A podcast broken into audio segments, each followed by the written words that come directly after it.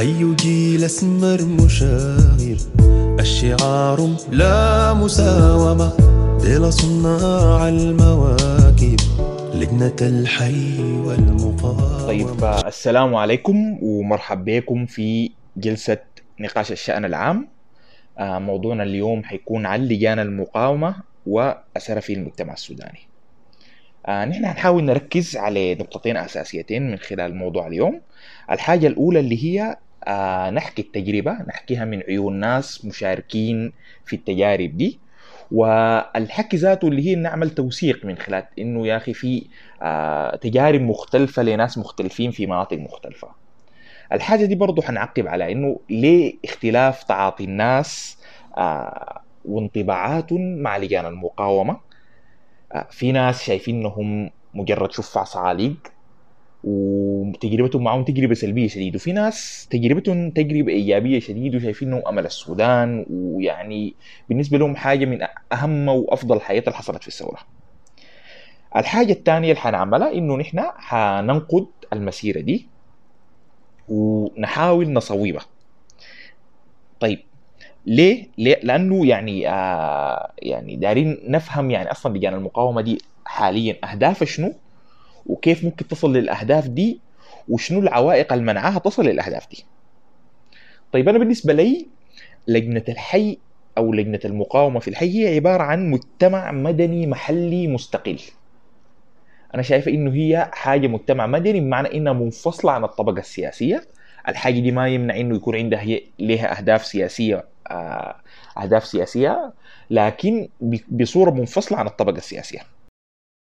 واحدة من النقاط اللي حنتكلم عنها برضو إنه في قانون صدر في 5 نوفمبر 2019 أدى لخلق آه، حاجة زي جسمين منفصلين في بعض الأحيان وفي بعض الأحيان ما منفصلين اللي هي لجان الخدمات والتغيير مقابلة لجان مقاومة. لجنة الخدمات والتغيير دي لو ملاحظين بتكون مركزة في الأحياء على الأعمال الخدمية أكثر آه عندها أدوار في الرقابة على السلع دور في رقابة على محطات الوقود دور على آه تنظيم الخبز والغاز في الحي في نفس الوقت كان لسه في حاجة قديمة ومحتفظة بهيكلتها القديمة اللي هي لقيت مقاومة مركزة أكثر مركزة بصورة أكبر وأكثر على الفعل المقاوم. برضو من الحياة الملاحظة في السودان إنه طبيعة الحي لها دور كبير في اختلاف تجربتك الشخصية اللي حتلقاها في مع لجان المقاومة. الأحياء القديمة في السودان والأحياء الاجتماعيات قوية بتنتج عنها بصورة يعني غالبة إنه لجنه المقاومة بتكون قوية ومتصلة مع أهل الحي بصورة كويسة ومتفاهمة معهم. في حين إنه بعض الأحياء الطرفية بعض الأحياء الجديدة في الخرطوم بصورة خاصة بتلقاها يعني ارتباطها بحيها ما ما بنفس القوة. دي واحدة من الحياة اللي حنعقب عليها ونحاول نشرحها. المكونين نفسها المكونين نفسهم لليان يعني المقاومة برضه بيأثروا على التجربة دي أو على يعني آه، أنت لما تلاقي لجنه مقاومة عندك في الحي المؤسسين والمكونين لها هن عندهم خبرة قبل كده في حاجة زي دي. كانوا عندهم خبرة في الجامعات مثلا في النقابات وكده. ولا الناس اللي كونوا لجان المقاومة دي ناس آه شباب صغار ما عندهم خبرة ويا دوب بيكتسبوا في الخبرة دي آه في الفترة دي.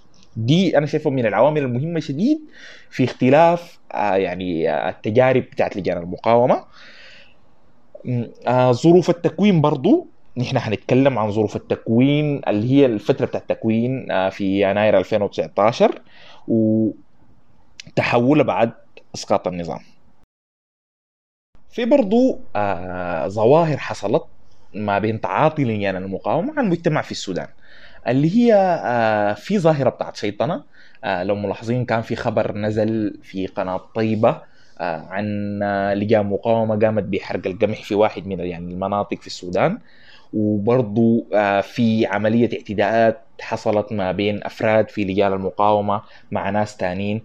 دي آه، جملة من الظواهر اللي برضه حنناقشها الليلة في نقاش اليوم.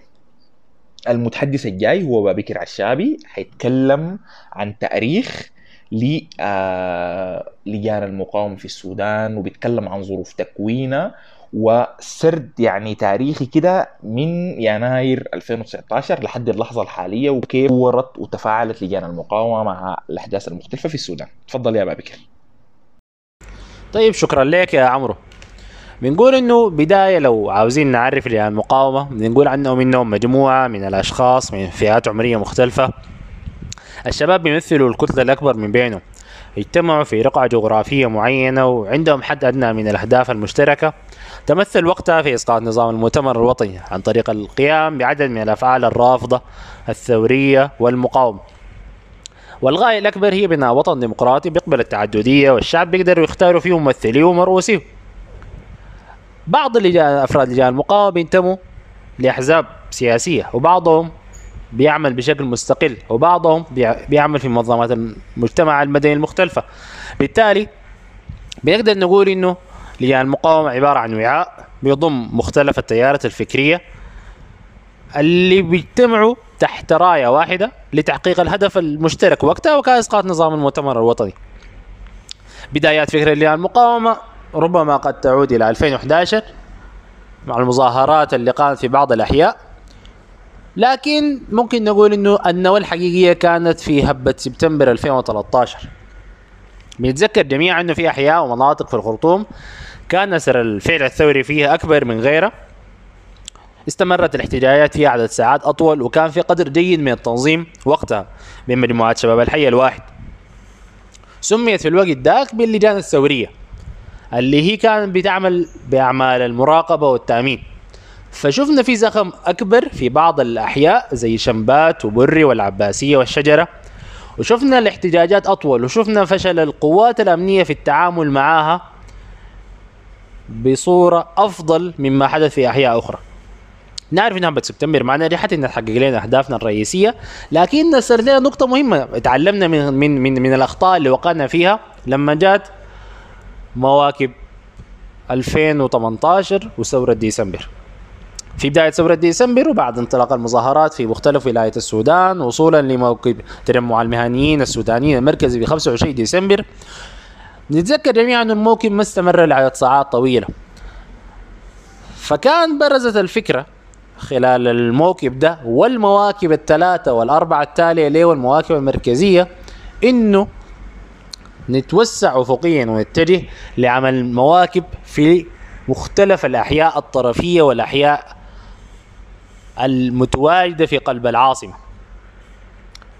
الهدف الأكبر من مواكب الأحياء في الوقت ده كانت نمدد رقعة الاحتجاجات ننقل المظاهرات لمناطق مختلفة بنزيد من خلال المظاهرات دي في الأحياء عدد المؤمنين بالثورة نفسهم مواكب أحياء بتعني حوجة لتنظيم أكبر بالتالي لجان تأمين لجان مراقبة عمل سري أكتر فشفنا في في بدايات فبراير ظهور قدر أعلى من التنظيم في مواكب اللي كان بيدعو لها تجمع المهنيين بالتنسيق مع لجان الأحياء. أو ممكن نقول لجان الميدان بقوى الحرية والتغيير الوقت ذاك. التواصل بين أفراد لجان المقاومة المختلفة والتنسيق بيناتهم للعمل المشترك كان واضح. فبقينا كل أسبوع نشوف قدر أعلى من التنظيم. بيتذكر موكب من مواكب العظيمة جدا موكب أحياء ام درمان القديمة اللي شهد قدر عالي جدا من التنظيم والتنسيق حتى إنه الأجهزة الأمنية ما تمكنت من قمعه واستمر عدد ساعات طويلة جدا. الموكب ده كان يعني اللجان شغالين عليه لفترة طويلة. تنسيق واجتماعات سرية وعارفين إنه الوقت ده كان لجان المقاومة بتعمل يعني تحت المراقبة وكانوا بيتعرض بعض أعضائهم للخطر الاعتقال. فلجان المقاومة في الوقت ده كان عندها أهداف رئيسية. ابرزها كان إنه تعمل على زيادة تعبئة الشارع وجرعة الوعي. فكان بتعمل على تنظيم وتسيير المواكب الاحتجاجية تارة وأساليب الرفض والمقاومة للنظام المتنوعة. فشفنا توزيع مناشير مخاطبات صغيرة في المساجد في بعض الأحياء في الاعتصامات الصغيرة حرق اللساتك. اللهم كانوا بيعملوا دائما إنه الن- النضال تكون مشتعلة. بغض النظر عن حجم الفعل المقاوم ده. اللجان استمرت في عملها ممكن نقول إنها واحدة من أكبر ال- المكاسب اللي تحقق في الفترة بين شهر فبراير وصولا ل 6 أبريل العظيم. إنه لجان المقاومه بدأت تنتشر في الأرض بشكل أكبر بدأت تتعرف بشكل أكثر فشفنا إنه الدعوة لموكب 6 أبريل كانت تاريخية. كيف؟ وصولا لأرض الاعتصام بنقول إنه الفترة اللي ظهرت فيها اللي المقاومة للسطح بشكل رسمي والتنسيق بيناتهم بقى يأخذ طابع أكثر تنظيم. باستغلال هامش الحريات المتاحة وقتها. ممكن نقول دي هي الفترة اللي يتمكن فيها عدد أكبر من الشباب إنه ينضموا لجان المقاومة ويتنظموا فيها. بنتذكر إنه كان في الخيم الممثلة لمختلف أحياء الخرطوم داخل الاعتصام. وشفنا إنه الأحياء دي كانت أيضا مسؤولة من تأمين بعض التروس ومداخل ومخارج الاعتصام. نمشي سريعا لفض الاعتصام. الاعتصام حتى لو نسأل إنه ربنا يرحم شهدائنا جميعا. بنتذكر إنه بعد فض الاعتصام مباشرة الخرطوم أغلقت تماما. كان الفعل الثوري الأكبر وقتها فيما سمي لاحقا بليلة المتاريس الطويلة واللي شارك فيها عدد كبير من الشباب. شلت فيها الحركة في الخرطوم تماما. فممكن نقول إنه لجان المقاومه الفترة ديك يعني بتلقائية كبيرة وبمشاركة عدد أكبر من الشباب اللي ما منتمين حتى وما منتظمين داخل لجان المقاومة عملت أكبر فعل ثوري ورافض للمجلس العسكري وانقلابه. فترة انقطاع الانترنت وعلى عكس ما كان يتمنى من أصدر الأوامر أنه يقطع مثلت أفضل الفترات لتوحد رؤى, رؤى لجان المقاومة. الخيار الوحيد اللي كان مطروح بالنسبة لجان المقاومة وقتها كان الرفض. الرفض بعدم الاعتراف بسلطة الأمر الواقع. الرفض تواجد العسكر على رأس السلطة. فشفنا أشكال رفض مختلفة. بداية بالإضراب العام العصيان المدني الاجتماع وإعلان موكب 30 يونيو ثم التحضير للموكب العظيم اللي بيعتبروه الكثيرين الانتصار الأكبر للثورة. من بعد فض الاعتصام ل 30 يونيو شفنا تنظيم عالي جدا شفنا تواصل بين اللجان المختلفة شفنا توحد في الرؤى فكان النتيجة خروج موكب 30 يونيو بالعظمة اللي شفناها جميعا. توقيع الوثيقة الدستورية بعد ذاك أو بعد عودة المفاوضات بين العسكر وقوى الحرية والتغيير وصول لتوقيع الوثيقة الدستورية ممكن نقول إنه دي مثلت نقطة مفصلية في أدوار رجال المقاومة ورؤية الناس لهم. عارفين إنه قبل ال... قبل 30 يونيو الناس كلها كانت مؤمنة بأدوار رجال المقاومة من حيث الرفض من حيث آه العمل على إسقاط نظام المؤتمر الوطني ومن ثم المجلس العسكري. لكن بعد توقيع الوثيقة الدستورية بدت رؤى الناس حول رجال المقاومة تختلف. بعض الأشخاص كانوا في الوقت ذاك بيعتقدوا إنه رجال المقاومة لازم تحل نفسها وتبتعد عن بيوت صنع القرار السياسي وتخلي الأمر ده للسياسيين. وممكن تساعدهم في بعض المهمات الهامشية وال تقديم الخدمات لداخل المجتمع. لأن المقاومة لأنها كانت جزء أساسي من صنع التغيير ما توقفت في النقطة دي وتحولت من لجان تقاوم النظام وامتداداته للجان فاعلة في خدمة المجتمع نفسه. مع الاحتفاظ بفكرتهم الرئيسية اللي قلناها في بداية تعريفنا صنع التغيير وبناية الوطن الديمقراطي. فظهرت بعد ذاك فكرة لجان الأحياء اللي سميت في بعض المناطق بلجان الإدارية وبعضها بلجان التغيير والخدمات واللي حلت محل اللجنة الشعبية المجلس العسكري بعد إسقاط نظام المؤتمر الوطني أصدر قرار بحل اللجان الشعبية في كل مدن وربوع السودان. اللجان الشعبية بنعرف إنها مسؤولة من تقديم الخدمات أو كجهة صلة بين السلطة والنظام ومواطن الحي والمربع. المناطق دي كلها في مختلف ربوع السودان قامت لجان المقاومة في البداية بترشيح ممثلي لجان التغيير والخدمات في الحي. اشتراطاته في الفترة الأولى ما كانت كثيرة. النزاهة وإنه تكون عندك رغبة جدية في إنك تخدم سكان المربع ولا والحي. والوقت ذاك برضه كان في شرط مهم جدا إنه أنت ما تكون منتمي لنظام المؤتمر الوطني. وقتها كان شرط منطقي إنه آه نحن قمنا بثورة على نظام المؤتمر الوطني. ما دايرين نعيد نفس الأشخاص للسلطة حتى لو كانت السلطه على مستوى الحي والمربع بتعمل على إفشال الثورة بتاعتنا. بعدها وبقرار من السيد وزير مجلس الوزراء قامت لجان المقاومة بالدعوة للانتخابات في تلك الأحياء والمربعات تم على إثر اختيار أعضاء لجان تغيير وخدمات جديدة وتم اعتمادهم في المحليات كممثلين رسميين لسكان تلك المناطق. لجان المقاومة بعد تم تكوين لجان التغيير والخدمات ساهمت في تقديم يد العون والمساندة للجان دي. فكانت دائما خير المعين والسند ما ابتعدت عن دورها في بعض الأحيان كان بتقدم الزاد البشري وتساعدهم في التخطيط وحتى الدعم المادي في بعض الأحيان. فشفناهم بيكونوا متواجدين في محطات البنزين ومراقبة الدقيق والمساعدة على حل إشكاليات ال- العيش والخبز. يعني ممكن نقول إنه كانوا واقفين سند للجان اللي هم اختاروها واللي اختاروها سكان المربعات والحي. وده الدور اللي إحنا مثلا كنا بنتمنى إنه قوى الحرية والتغيير تقوم به في دعمها لحكومتهم في بدايات لو عاوزين نتكلم عن الفرق الرئيسي بين لجان التغيير والخدمات أو اللجان الإدارية. مع لجان المقاومة بيقول إن لجان التغيير والخدمات هي لجان خدمية بتخدم سكان المربع والحي المتواجدة فيه.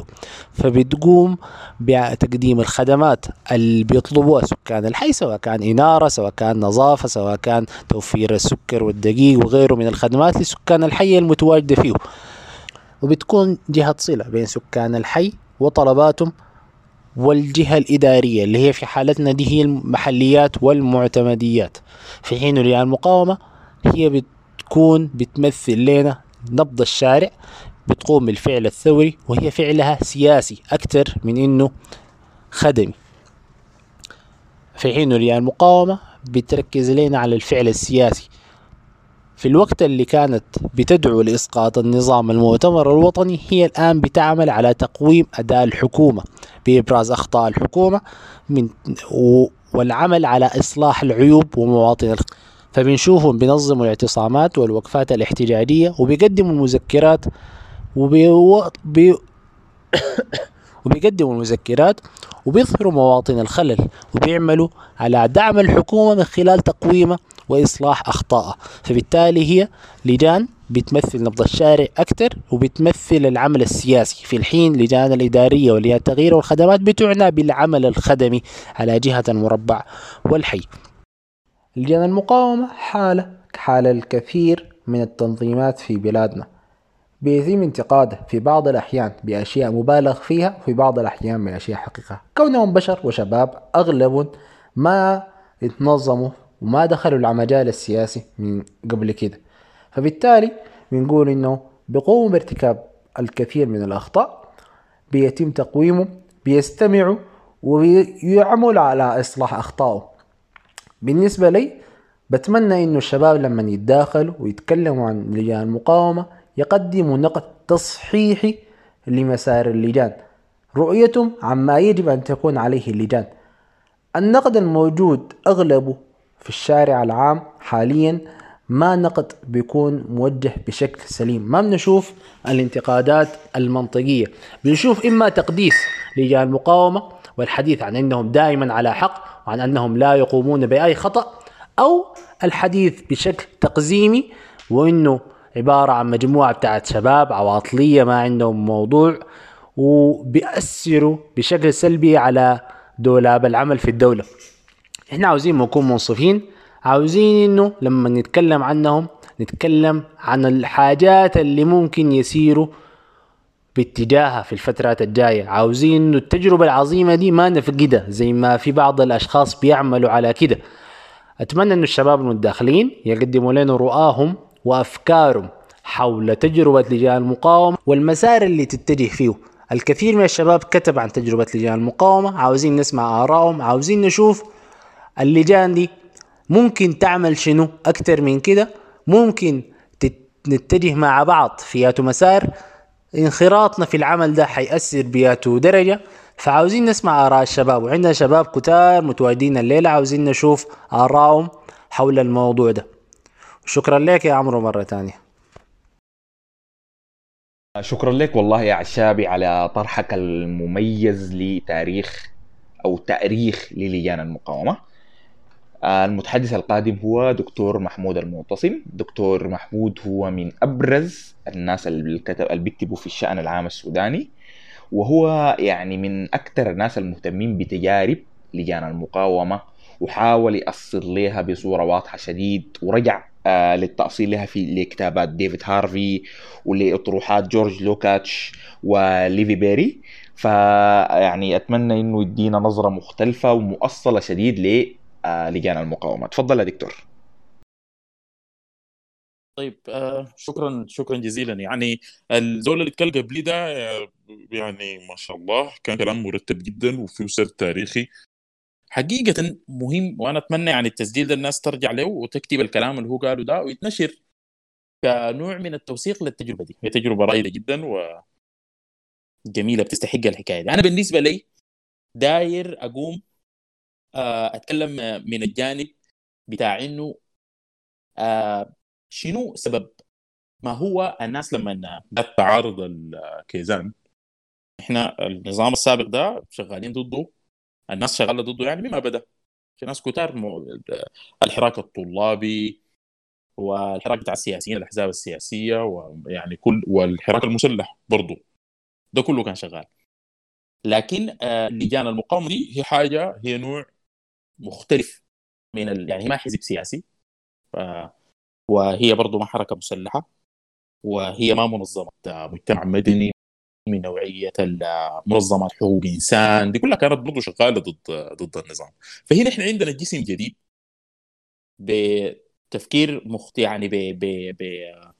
بأسباب موضوعية آه، مختلفة ظهر. والسؤال اللي إحنا المفروض نسأله وده بيكون سؤال محوري بنبني عليه كمية كبيرة جدا من التفاصيل والاستراتيجيات بتاعت لجان المقاومة دي إنه شنو السبب الموضوعي لظهور لجان المقاومة عشان تقوم تق- تقاوم النظام القديم النظام بتاع 30 يونيو ده الكيزان آه لو قمنا قلنا إنه آه السبب هو إنه بس الناس كرهت الكيزان ده الشديد كده وداير تقضي عليهم بأي طريقة والحاجة دي قامت حفزت الشباب لعمل معارض.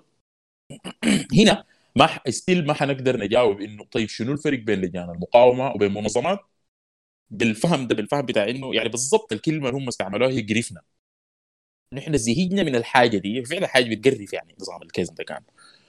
وقررنا إننا نشتغل ضده بأي طريقة كانت وخارج الأحزاب السياسية وكده. فدي حاجة دي منظمة. اللي هي دي؟ منظمة ظرف وجود الكيزان هو الانتجه وحيدا يعني. غير كده ربما الشباب ديل ما كانوا يعملوا حاجة. لكن لما الناس رجعوا قالوا نحن دايرين نعمل تشكيلات لا مركزية في الأحياء عشان نقوم نحرك القواعد بتاعتنا. ما نبقى نحن الثوريين برانا آه بنتبث. يعني زي حاجة كانت حاصله فتره طويلة اسنا الكيزان قاعدين انه الثوريين في الجامعات بيعملوا اركان نقاش. نفس الثوريين ديل بيجوا بيدعوا لمظاهرات في الفيسبوك ونفس الثوريين ديل بيقوموا ومنفصلين من عن الناس يعني. آه بيجوا بيحاولوا يعملوا مظاهرات الحاجة دي بتفشل. لكن لما جات الفكرة بتاعته نحن نعمل تنظيمات في الأحياء عشان نقوم نخليها جزء من الحراك الثوري. أنا في رأيي الحاجة دي السبب الموضوعي إنه الناس في النهاية توصلت لإنه دي هي أفضل طريقة للعمل المعارض والعمل الديمقراطي. السبب في الحكاية دي تحديدا إنه النقابات ما النقابات لا تستطيع إنها تعمل الشغل بتاع لجان المقاومة. لو رجعنا لل... في التاريخ بتاع الحراك الحراك الديمقراطي أنا شايف إنه أحسن نسميه الديمقراطي أكثر من الثوري حتى. لأنه الثوري دي الناس بتفتكر إنه العملية هي عملية إسقاط أنظمة. مع إنه الحراك الديمقراطي وتاريخه طويل جدا في العالم هو عملية الخروج من النظام الشمولي إن كان نظام ملكي أو إن كان نظام ديكتاتوري عسكري لنظام ديمقراطي ما في زول كده قاعد فوق في السلطة ما في فرد قاعد في السلطة. بل في الثورة الفرنسية أول حاجة عملوها إنه قاموا قتلوا الزول اللي قاعد فوق ده. يعني الرمزية بتاعته كانت مهمة جدا بالنسبة لهم يجيبوا لويس الثاني عشر ده السادس عشر ويقوموا يقتلوه في ميدان عام. هنا الرمزية ما هم ما مهتمين يعني زي السنة إحنا ما في زول شغال بالبشير ده يحصل له شنو ما الحكاية ده أنا بشخصيا ما بتهمني كثير يعني شخصيا ما عندها قيمة. لكن هم الثوريين في فرنسا كانوا مهتمين إنه النقطة بتاعت القوة السلطة المطلقة دي تتلغي. وبدل السلطة المطلقة دي يكون في شنو طيب؟ ما الناس حيجوطوا الناس ما حيجوطوا. حتقوم تجي ال- السلطة الديمقراطية إنه كل الناس دي مع بعض الشعوب اللي كانت مقهورة زول شغال بها دي تقوم تحكم جماعيا. الحراك الديمقراطي ده إن كان لو أخذنا المثال الفرنسي لو أخذنا المثال الأمريكي لو أخذنا عدد من الأمثلة الأخرى بتلقى إنه كان مبني على تنظيمات هي في شكلها تنظيمات نقابية. يعني تنظيمات بتوحد الناس في مكان عملهم. يعني بتجي آه، بتقوم آه، بدل بدل ما الناس يكونوا سوريين يطلعوا المظاهرات كلهم يقوموا يتنظموا في شكل حاجة هو في بيناتهم علاقة بتاعت الشخصين اللي بيمارسوا الحكاية دي. عشان كده في علاقة كبيرة جدا جدا بين الثورة الديمقراطية عموما وترسخها. يعني لو جينا شفنا مثلا الثورات اللي حصلت بعد انهيار الاتحاد السوفيتي وحركة التضامن وكده. تلقى إنه في علاقة كبيرة جدا بين الرأسمالية ذاتها لأنها هي بتقوم بتنظم العمال في حتة واحدة. بتقول لهم أنتوا كلكم كده شغالين في اسمبلي لاين في خط الإنتاج. كلكم عمال في مصنع واحد. بيلقوا العمال بيلقوا بين بيناته برضه جزء من التنظيم اللي هو بينفع الراسمالي بيقوم بيضروا إنه بيلقوا بيناتهم في علاقة بتاع بتاعت مصلحة مشتركة. من. من العلاقات بتاعت المصلحة المشتركة دي بيبقوا قادرين إنه يتحركوا جماعيا. والحاجة دي بتقوم بتكبر وتكبر وتكبر وتبدأ تظهر اضرابات عمالية وتبدأ تظهر كده بحيث إنه الفد الواحد اللي إحنا قلناه قبيل ده إن كان لويس السادس عشر أو أو الاستعمار البريطاني في أمريكا أو غيره بيلقى نفسه ما قادر يحكم الناس دي. الناس دي اللي حصلت لهم عملية بتاع التنظيم هم ما كان مخطط له لكن لو نفسهم بقوا منظمين بقى في مجتمع مدني واسع منظم ما بتقدر تجي كل يوم تمسك واحد فيهم تدخله سجن. كلهم بيضربوا. كانوا العامل ده شغال معهم. وهكذا. ففي علاقة بين القدرة بتاعت الحاجة اللي إحنا بنسميها تنظيم النقابة. حتى لو ما كانت نقابة كده ناس يعني مسمينها نقابة لكن تنظيم الطبقة الواحدة الطبقة الكادحه اللي هي دائما بتكون أغلبية الناس قدرتها على التنظيم قدرتها على الوعي بذاتها بتقوم بتقدر بحراك بشعار ديمقراطي بتقدر تلغي الزول اللي في مركز السلطة الواحد ده تسقطه وتقتله في حالة الثورة الفرنسية وتقوم تستبدله بأنه هي ذاتها تحكم. تجي كل كم سنة تصوت تقول دايرين ده خطوه يقوموا يجوا المرة الجاية يشيلوا زول ثاني يخطوا ده وهكذا. بالطريقة بتاعت الديمقراطية اللي إحنا عارفينها. بالنسبة لنا نحن في السودان آه ثوره أكتوبر. كان ما فيها ما كان فيها مقاومة. كان فيها عمال. ليه؟ لأنه كان الاستعمار البريطاني قبل ما يطلع. عمل لنا كم بؤر بتاعه الحراك الديمقراطي دي اسسها عمل مشروع الجزيرة وعمل السكة حديد وعمل جامعة الخرطوم. خلى الناس تتعلم. بعد ذاك الناس اللي بيتعلموا جامعة الخرطوم مشوا بيشتغلوا كلهم في حتة واحدة. و فهنا الحزب الشيوعي السوداني بصورة رائدة يعني قام دخل الفكرة بتاعت الحراك الديمقراطي النقابي. لكن دي ما ما أوجد الحزب الشيوعي السوداني. دي في ظرف موضوعي لها انه عمال السكة ديل قاعدين كلهم زي الحاجة اللي تكلمنا عنها قبل ليه ليه الليلة نحن ما بنقدر نعتمد على الحاجة دي بصورة كاملة؟ لسبب بسيط. إنه الرأسمالية ذاتها قامت تطورت بحيث إنها بقت ما محتاج تجيب الناس كلهم تحطهم في حتة واحدة تقول لهم عمال كلكم في مصنع في اسمبلي لاين الحاجة دي ما موجودة. عشان كده لو لو كان الناس حاولت تعتمد على حراك نقابي فقط عشان تسقط نظام الإنقاذ ربما ما كانت حتنجح. يعني كا- كانت حتواجه صعوبات كبيرة. إنها تمشي للشباب في الحي اللي كان بيتكلم عنهم المتحدث القبلي قاموا تنظموا وعملوا لجان وعملوا لجان التأمين وقدروا يسيروا يسيروا المواكب وكده دي دي لأنه نحن ما عندنا الحجم بتاع التنظيم العمالي في الاقتصاد بتاعنا. حيث يخلي النقابات بتاعتنا بتقدر تصل للناس ديل تنظمهم الحراك ما كان حينجح. عشان الحراك ده ينجح لازم نرجع وصلنا نحن في مرحلة إنه بدل ما إنه المصنع هو الحته اللي بيقوم يتنظموا فيها الناس ماديا و...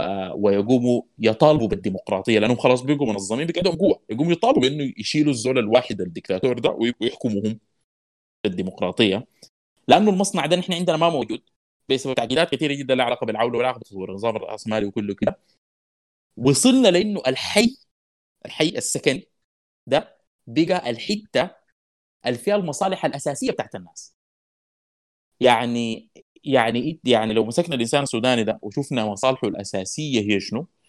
هتلقى إنه مص- مصالحه الأساسية أول شيء السكن اللائق ثم بعد ذاك المدرسة الكويسة المستوصف الجيد في الحي بتاعه إنه الدولة ما تجي تتغول عليه في محل سكنه ده بضرائب وجبايات وباحتلالها للمساحه العامة في الحي ومتاجرتها بها وببيعها وحتلقى إنه في الإنسان ذاته بينتج القيمة بتاعته القيمة بتاع الاقتصادية بتاعته ذاتها بينتجها في علاقات بتاعت إنتاج داخل الحي بتاعه إن كان هو كهرب جيب يمشي يصلح للناس التانيين في الحلة الكهرباء بتاعتهم كان هو سيد دكان أو إن كان آه، مختلف الأشياء.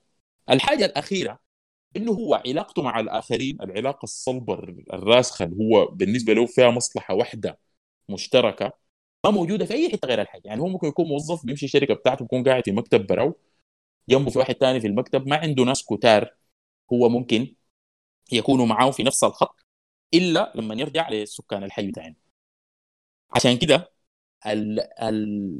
لجان الأحياء دي ما وجدت فقط عشان تقوم بصيغة نظام الإنقاذ بل هي التنظيم اللي عليه ماديا. نحن ما عندنا طريقه نصل لأنه يكون ديمقراطية إلا عن عن طريق إنه نحن في وحداتنا المادية اللي بقت بقينا بننتج القيمة وفيها مصالحنا هي الحي. نحن نقوم من ال... من الوحدة دي ننظم نفسنا لأنه هنا في مصلحة مشتركة. خلينا ننظم نفسنا ونقوم نطالب بالديمقراطية. هنا في سؤال ثاني ليه ليه ليه أنا أتنظم على الأساس المادي ده؟ على أساس إنه ده جاري في الحي نحن عندنا مصالح مشتركة مع بعض.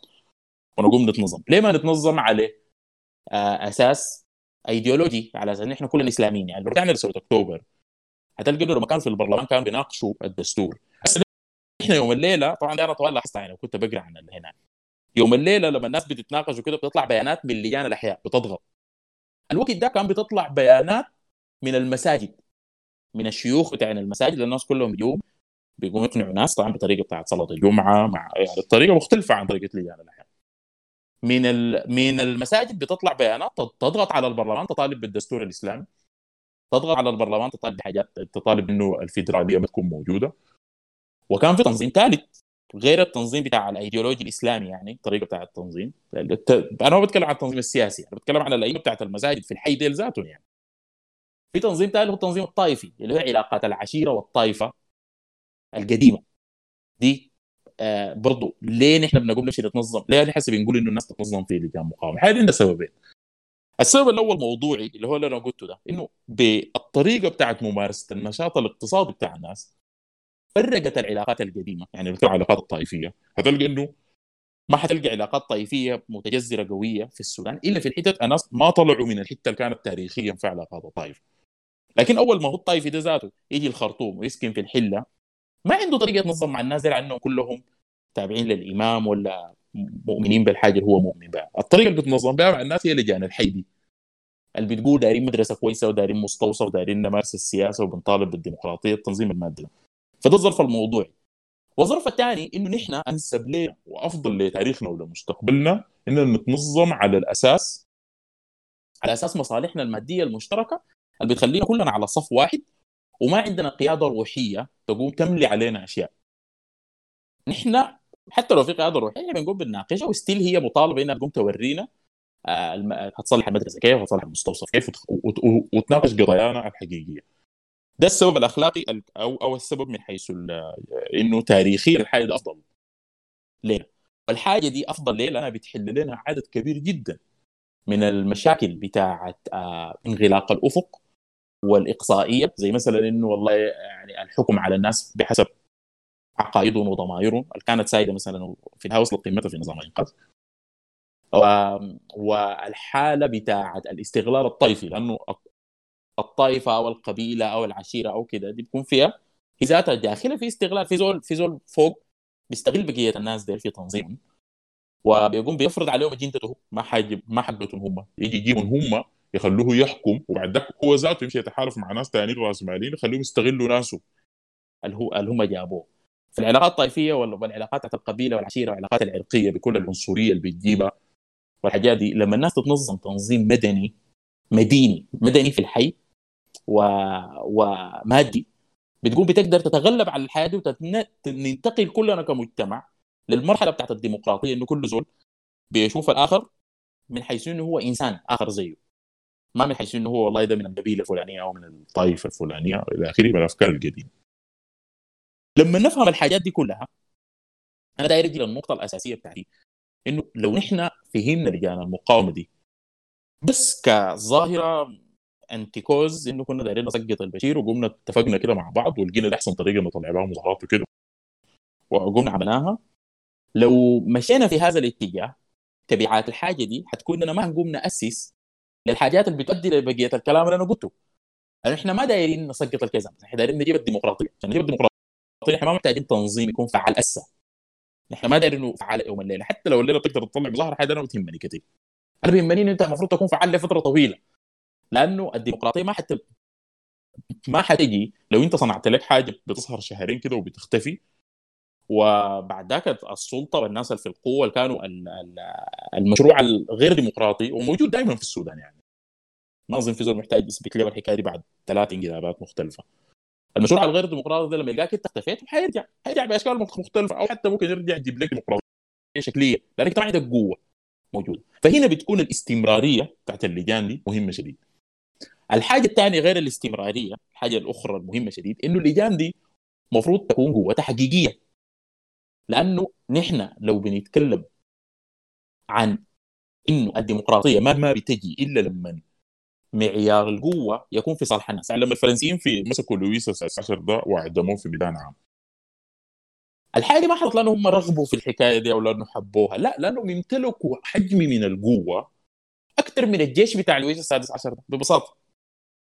اول ما أنت تبقى أنت عندك القوة دي خلاص أنت تقوم بتقدر تقلب المسألة فالقوة دي عشان أنت تمتلكها محتاج حاجتين ثانيين محتاج الحاجة الأولى وضوح الرؤية إن أنت يكون عندك رؤية ما يقدر زول ثاني يجي يتلاعب بها. رؤية واضحة أنت عارف أنت عايز شنو والرؤية دي فيها مبادئ أنت ما بت... ما بتخليها خاضعة للتكتيك. يعني ما عشان الليلة نحن حنتشاكل لو عملنا جمعيه عمومية نقوم ما نعملها. ده كده أنت الرؤية خاضعة للتكتيك. الاستراتيجية خاضعة. لما يكون لك رؤية واضحة شديد أنت بتقدر تأسس لحاجة راسخة. الحاجة الثالثه المشاركة الواسعة. اللجان دي لو اعتبرت مهمتها إنها تمشي تخلي حمدوك ده يتكلم عنها في الإعلام. أو إنها تقوم تطلع مظاهرات كبيرة عشان تقوم آه، يعني في حالة بتاعت غلاء أو كده. لو بس اعتبرت إنه دي هي مهمتها الأساسية الحاجة بتتعامل بالمناسبة بكوادر بسيطة. أنت محتاج 10 15 شاب في الحلة بيكتبوا البيانات دي وبي بيمشوا يدعوا الناس في الفيسبوك أنا تطلع معاهم مظاهرة. دي ما حاجة دايركت تعمل مشاركة واسعة. لكن لو أنت بتتكلم عن قوة حقيقية ما قوة بتتكسر بسهولة. انت بتتكلم عن انه الناس كلها في الحي تكون ملتفة حولك. عشان انت تبقى قوتك دي قوة حقيقية وراسخة هنا بتجي المرحله الحاجة الثالثه اللي بتكون مهمة هي عملية توسيع المشاركة. عشان نقدر نعمل الثلاثة حاجات دي الأولويات محتاجة تترتب بطريقة مختلفة. حنرجع من ال... يعني أنا من ال... آه، حقوم اقيف هنا وحارجع لمساله الأولويات. لأنه أنت لما تيجي تقول يا جماعة دايرين جمعيات عمومية دايرين الناس يشاركوا دايرين ما في زول دي ما في زول بيختلف معي معي فعلا. محمود بقولها وفي زول ثاني بيقولها وفي زول ثالث بيقولها لكن في النهاية بينفذوها على الأرض ما موجودين. كل الناس بيقولها موافقة عليها. ليه؟ لأنه في أولويات أخرى. هي ما المشكلة إنه الناس شايفة الحياة غلط ان الجمعية العمومية دي ما المفروض تقوم أو ما المفروض نهتم بها الناس عندها أولويات أخرى من باب نظرتها الضيقة للمهام بتاعتها. يعني الناس بتكون شايفة إنه هي مهمتها إنه يوم بكرة ده أنا اطلع مظاهرة. لو أنا فعلا مهمتي كده المهمة الأساسية بتاعتي أو بعد بكرة أو بعد شهر أو لما تحصل حاجة فعلا كده أنا أولوياتي حتكون مختلفة. المسألة بتاعت الأولويات دي بتظهر في تجمع المهنيين السودانيين.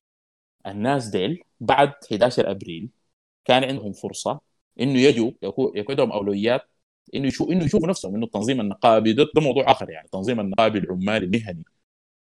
ما بيستقيم من دون الكلام اللي برضه قلناه في المقاومه المشاركة وتوسيعها وديمقراطيتها آه، والرؤية الواضحة والاستراتيجية والمبدئية فيها. ما ما ما بيستقيم. لكن هو كان عندهم أولويات ثانية والأولويات الثانية دي في جزء منها ضيق نظر وقلة آه قلة حيلة ثقافية وفكرية وفي جزء منها الاغراء بتاع السلطة. يعني جو الناس قالوا أنتم عندكم فرصة يكون عندكم خمس ممثلين في قحط يجوا كده يحكموا السودان ده ويقولوا خلاص بعد ده الزول أولوياته شنو؟ بعد ما السلطة دي تبقى قريبة منه أولوياته بتبدأ تختلف. لكن غير موضوع السلطة ده هم نفسهم عندهم كان فكروا في أولويات. ربما الزول يشوف أولويات اللي قاعد يقولوا والله نحن نعمل في السلام ومفروض نناقش ما عارف قضايا السلام ونمشي نختار ال- ولو لازم نساهم في ما تعرف شنو. بحيث إنه شغلوا نفسهم لأنه أنت في النهاية بتقدر تعمل عدد معين من الأشياء بتقدر تعمل كل الأشياء. شغلوا نفسهم بحاجات أخرى وربما بحسن نية.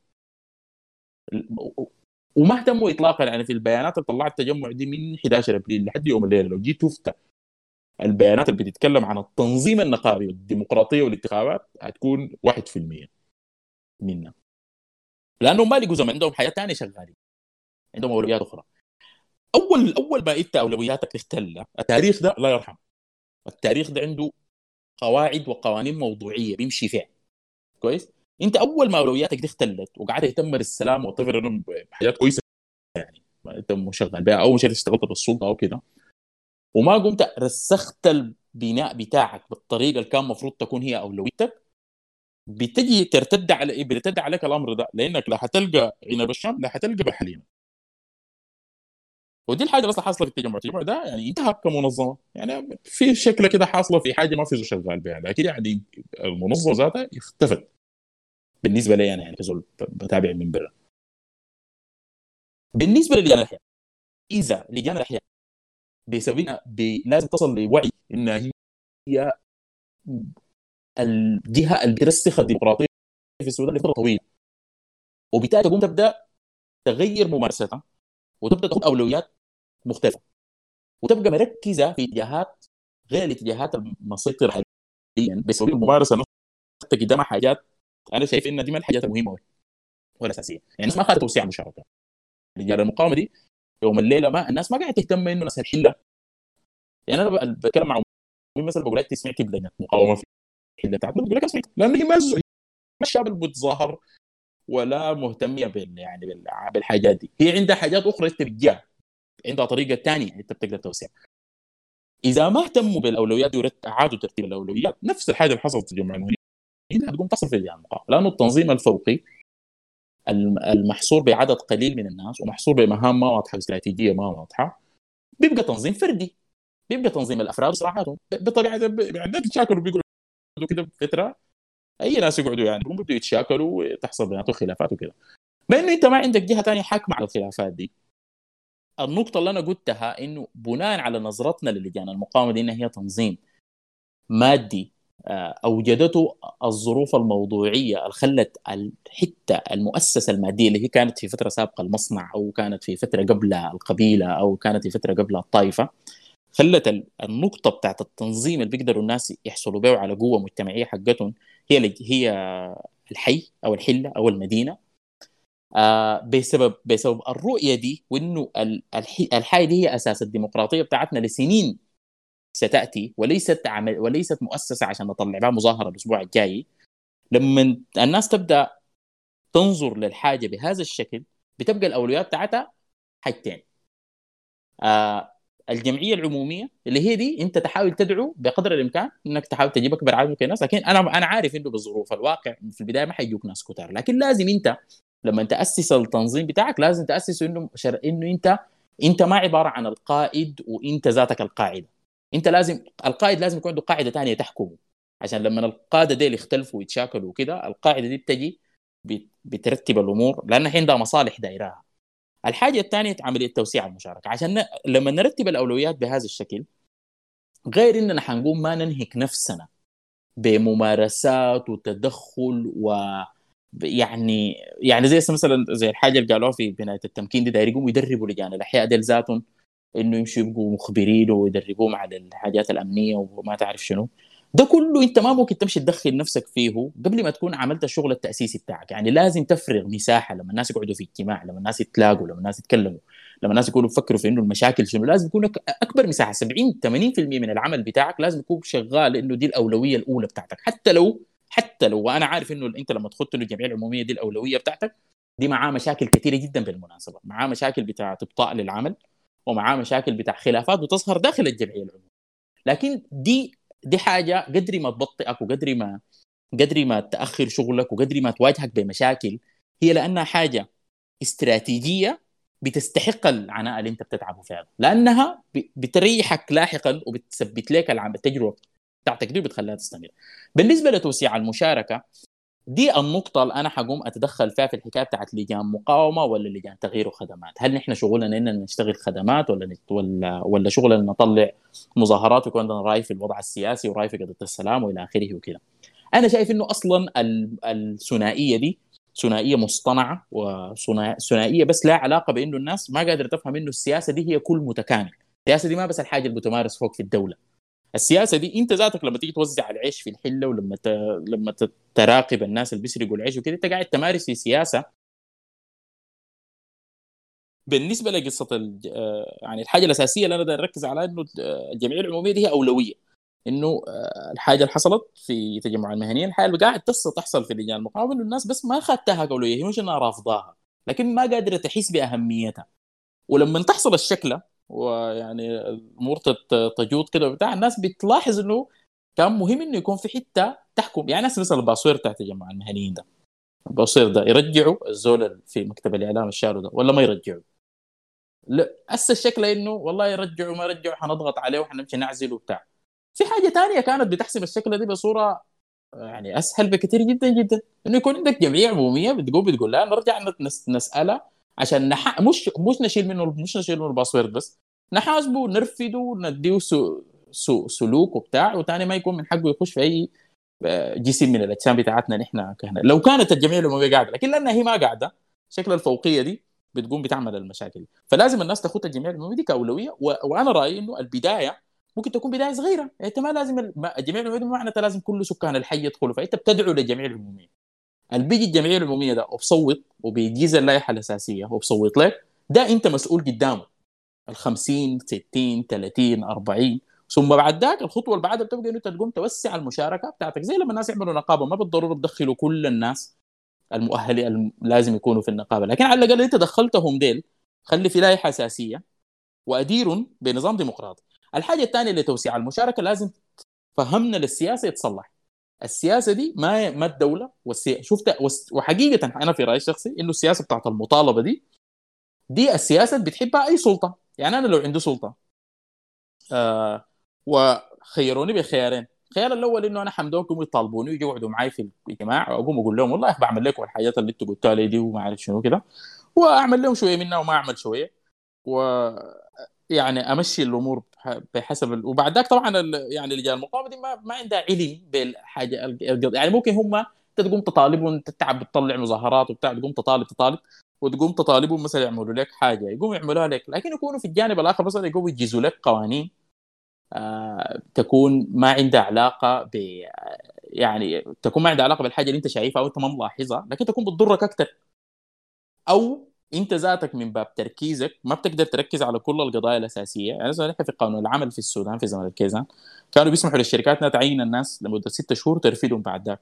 ده سيتو سامعين أي زول في لجان المقاومة بيتكلم عن الحاجة دي.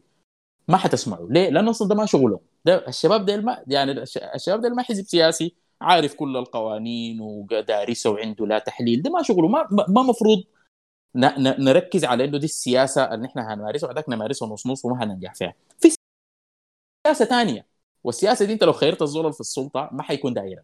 إنه انت تقوم تقوم تقول له يا أخي أنا فيما يليني ده أنا في الحاجة اللي قدامي دي أنا بعرفها أكثر منك. اديني حق إن أنا أحكم فيها.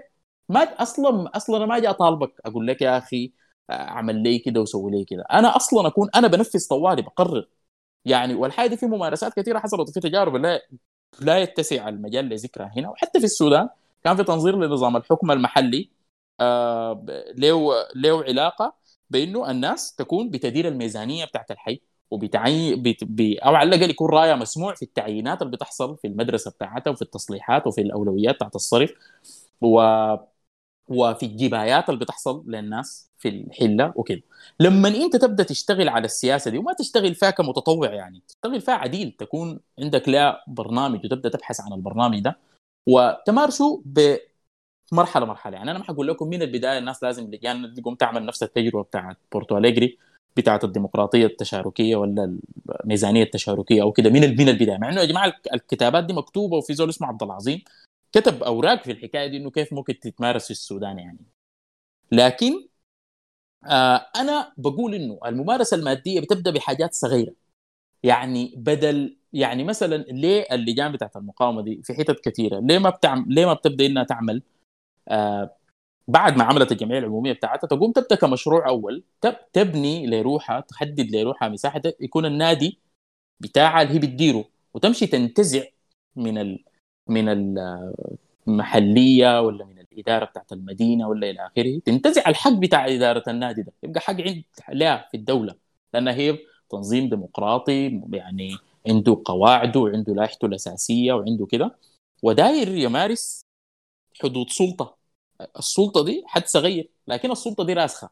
بعد ما انت يبقى عندك حاجة مادية انت شغال عليها حتى لو كانت نادي في الحله انت بتنظم فيه ب- الهناي بتاع الكورة بتاعك للشباب والناس بيتلموا فيه يناقشوا الحاجات وبيحضروا أفلام ويحضروا كورة ويكون فيه مكتبة وفي حتة بتاعت مذاكرة إلى آخره. حتى لو كانت الحاجة دي حاجة صغيرة الحاجة دي عشان تقدر تديرها لأنك أنت خلاص بدأت تتحرك في اتجاه مصالحك المباشرة أول شيء بتقدر تجيب ناس لك. غير إن في ناس مثلا ما بيهمهم كثير السياسة وكده. يعني لكن بيهمهم النادي ده إنه يحصل فيه شنو ويدار كيف. والحاجة الثانية بتقوم بتنظم نفسك أنت بصورة أفضل لأنه أنت عندك حاجة شغال عليها مباشرة بتدير فيها. ما حاجة كده يعني قومة وهتروح. لا حاجة دائمه ومستمرة. وبتديك أنت structure ومن ال structure ده الناس لازم تركز على إنها كل مرة توسع المشاركة بأنها تحاول تاخذ أكثر من مساحات السلطة.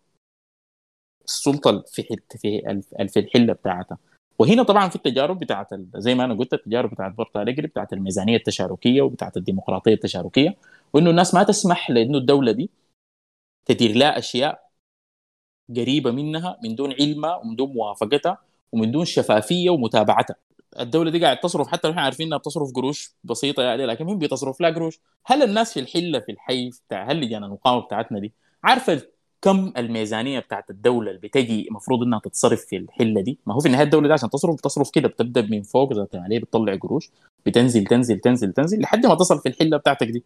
بيكونوا بيدينك منها جزء. هل عارفين كم القروش دي؟ القروش دي قاعد ياخذها منو؟ تصرفها في شنو؟ وب... ليه ليه, نحن ما عارفين الحاجة دي؟ لأنه نحن بنفتكر إنه دي خدمات side دي ما السياسة. السياسة ان أنا أمشي ألاقي حمدوك وأتظاهر وما أعرف شنو. آه لكن لكن لو نحن ركزنا على إنه دي هي السياسة فعلا الحاجة اللي عندي قدامي دي دي, دي هي السياسة الحقيقية يعني. أنا بسميها ultra politics سياسة فايقة.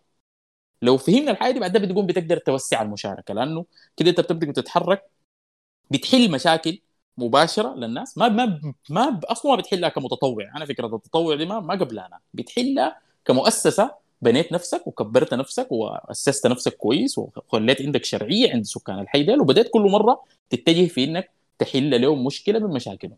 حتى لو عايز تمارس الحكاية دي في البداية بأسلوب المطالب يعني ليه اللجان في الحي يعني الحي ده يمشوا يطالبوا بأنه المدرسة بتاعتهم في الحي تتصلح؟ مش مش قضية السلام وقضية كده. أنا ما بقول له القضايا دي ما مهمة. أنا بس الحقيقة النقطة اللي بحاول أركز فيها إنه أنا الأولويات اللي أنا شايفها إنها حتخلي التجربة دي تزدهر وتكبر وتتوسع وترسخ إنه لو أسسناها كويس مؤسسيا ما بقت تجربة بتاعت مجموعة من الأفراد. لو أسسناها مؤسسيا اللي هي دي جزئية بتاعت الجمعية العمومية. ولو قدرنا وسعنا المشاركة داخل الحي عن طريق إنه توجهنا نحو الحاجات المادية المباشرة للناس أنا أظن ده حيكون the way to go بعد ذاك طبعا أنا نفسي في كلامي ده كله ما جبت لكم سيرة بتاعت إنه والله اللجان دي بتتظاهر ولا كده. دي by-product بالنسبة لي. وهي كده. النقابة لما الناس تيجي تعملها ما بتعملها بتقول والله إحنا دايرين نعمل النقابة عشان بنحب العدالة للشعب كله ودايرين السلام وداير... ما بيقولوا كده. بيقولوا دايرين نعمل النقابة لأنه مرتبنا الشهر الجاي ده لو ما عملنا النقابة حيكون أقل. بيقوموا بي بيعملوها. لكن ال by-product التاريخي لأي تنظيم مدني هو ديمقراطي في ذاته هو الديمقراطية والسلام والحاجات اللي إحنا بنطلبها. فالناس بس شوية توسع أفقها من من المطالبة المباشرة بالحاجات لأنها تشوف إن هي لما تأسس لنفسها كمؤسسات الحاجات دي بتجي تلقائيا يعني. ما أنت الشعب already منظم روحه وعنده جمعيات عمومية وممارسة الديمقراطيه في قواعده وكده ده أول ما تجي تعتقل واحد منهم في الحي الحي ده كله حيطلع لك في وشك يعني ما حيخليك. لكن ربما لجنة المقاومة الصغيرة دي اللي فيها خمسة ستة أنفار دي تقدر لو هي أصلا عزلت نفسها من قاعدتها بالممارسة المستمرة لأنه بتتكلم باسمهم من دون ما هم فعلا يكونوا منتخبينها ربما في يوم من الأيام يعتقلوا الخمسة ديل وما في زول يشتغل بهم. يعني أنا أنا هنا بركز على إنه الفعالية بتاعت العمل المقاوم ذاته بتبقى أكبر لما ننظر للجنة دي بالصورة المادية الديمقراطية بتاعت الجمعيات العمومية. أنا أنا أظن اتكلمت بما فيه الكفاية. شكرا جدا. يعني ما استمعتوا لي. هو متأسف على الإطالة. والله دكتور يعني بالعكس والله يعني نحن منصفين جدا لكل حاجة أنت بتقولها. أنت بتتكلم عن نقاط مهمة شديد يعني نق- نقاط ما يعني أنت بتتكلم من الأسس الفوق يعني مش مش التفاصيل الصغيرة يعني. من الأساس إنه في مشكلة في الأساس يعني في الممارسة بتاعت لجان المقاومة دي اللي هي زي ما أنت لخصتها إنه هي ما ما مركزه على إنها هي تكون عندها قاعدة واضحة جوا اللي هي المجتمع الطالع منه بإنها تعمل لجان عمومية. آه، آه، جمعيات عموميه قصدي والحاجة الثانية اللي هي آه، اسمه شنو إنها مركزة على على الحاجة الصلبة والخدمات اللي بتهم الحي أصلا اللي هي بتلم وبتلم ناس الحي ديل ويعني وبت يعني دي الحاجة اللي بتخليهم يعني بتهمهم شديد. طيب آه، المداخلة الجاية عندنا حسام آه، حسام نعوف باشمهندس حسام كان داير يتكلم عن يعقب على كلامك. طيب السلام عليكم. إن شاء الله كويسين. آه، أنا أول حاجة ببدأ بها طبعا الشكر لأستاذ بابكر عشابي على السرد التاريخي الدقيق جدا لفترة تكون لجان المقاومة. وطبعا دكتور محمود المعتصم اللي ما حقيقة ما خلى حاجة في في الإطار النظري أو المفاهيمي أو ال- الواجبات أو المهام المفروض تكون تقوم بها لجان المقاومة عشان الزول يقدر يضيف فيها. دي محاولات أنا هحاول أعقب أو آه، أواصل شكل الكلام ده بنقاط يعني. أنا أنا أنا داير أحب أركز على ثلاثة فترات رئيسية. هي دي ش... أنا في تقديري هي شكلت ال- العمود الفقري لوجود لجان المقاومة في الفضاء السياسي كجسم جديد. إنه نحن في طوال تاريخنا في السودان شكل لجان المقاومة بشكل هذا ما كانت في انها تكون فاعل في في العملية السياسية. آه ال ال ال في في لحظات أو هي أنا في تقديري هي ثلاثة فترات مفروض آه نرجع لهم كمرجعيات نعاين لهم دائما. الفترات واللحظات دي نعاين لها كل ما نحاول نقيم تجربة لجان المقاومة عشان نشوف مدى تأثير ال- لجان المقاومة في الفترات دي. هي حتدينا حتدينا مؤشر واضح جدا ل- لعظمة لجان المقاومة. ال ال ال الفكرة الأولى إنه 25 ديسمبر هو كان ظهور لجسم جديد في الفضاء السياسي هو تجمع المهنيين السودانيين. آه تقدم دعوة في اليوم ده للرواتب الحاجة كلنا عارفينها دي. جاتنا فرصة تاريخية مصادفة تاريخية لأنه الناس تدعم الجسم ده لأنه هو يقود الثورة دي وفعلا ده اللي حصل. آه، تجمع المهنيين بالصدفة التاريخية العظيمة دي. قدر يقود ال- الحراك ده. ابتدى يقدم الدعوات للمواكب المركزية. ابتدوا الناس يبدوا يناضلوا في شكل ال- ال- ال- ال- ال- المواكب المركزية اللي بتحصل دي. آه، عدينا يمكن فترة بتاعت 20 يوم لقريب الشهر في شكل المواكب المركزية دي. كان بنواجه مشكلة إنه نحن بنمشي الموكب المركزي الناس بتتفرتك. فكانت في حوجة لإنه إحنا نطور من شكل ال- ال- الحراك من شكل الثورة من شكل ال ال ال النضال ضد السلطة الأمنية القاعدة دي. في تجارب من 2013 أو يمكن من 2011 لشكل التظاهرات دي. آه 2011 كانت مركزية يمكن 30 يناير الحاجات دي. بعد ذاك 2013 كان في لجان قاعدية اشتغلت. كان في نواب بتاعت لجان. آه ال- الحوجة لوجود أو لنقل الحراك لمناطق آه، آه، شعبية أو مأهولة بالسكان أو أحياء أو مدن هي اللي اوجدت لجان المقاومة. لجان المقاومة من بدايات آه، فبراير منتصف فبراير ابتدت تتشكل الجسم ده. ابتدت إنه بعد الموكب المركزي بتلقى إنه في كم منطقة في كم حتة في كم شاب يتلموا سوا عملوا لهم احتجاج في المحل. دي كانت نقلة خطرة جدا. الفترة دي الفترة دي الأولى دي بتاعت نقل الحراك من الصورة المركزية للصورة بتاعت كل المدن والأحياء. دي كانت نقلة يعني نقلة نقلة كش ملك في ال في ال في في, في الثورة. حاجة دي, دي دي الفترة الأولى. النقلة دي ساهمت في تثبيت الحراك وساهمت في إنها تنقله ساهمت في إنها تعزز مشاركة الجماهير للحراك. بدل ما الزول زمان كان بيمشي المظاهرة المظاهرة بقت تجي لحد عندك.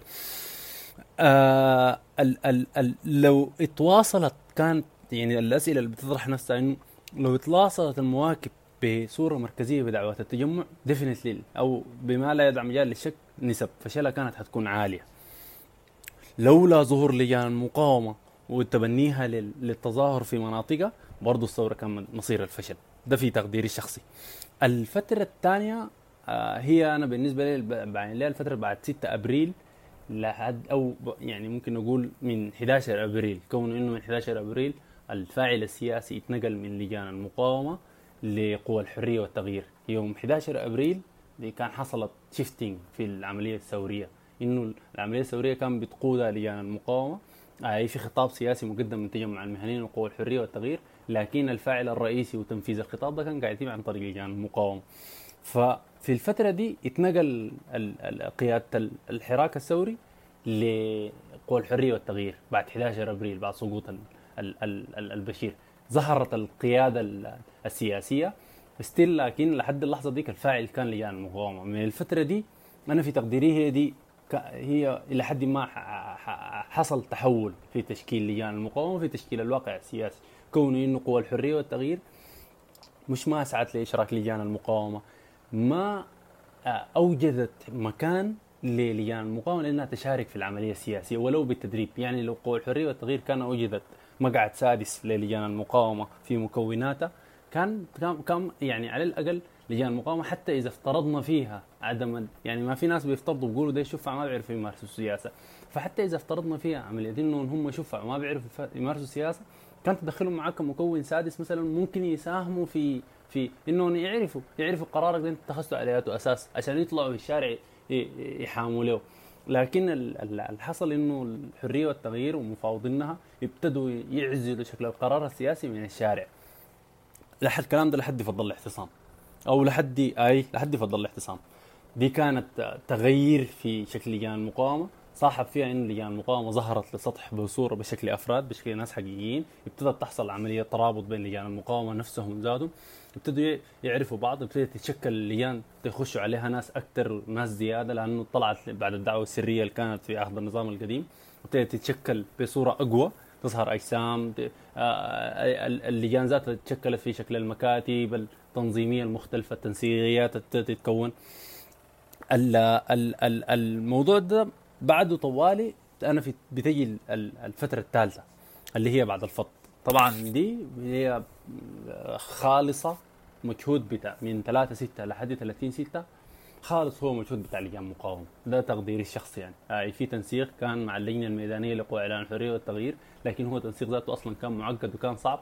وحتى إعلان 30 6 تم تبنيه من لجان المقاومه قبل ما تتبناه تجمع المهنيين أو قوى إعلان الحرية والتغيير.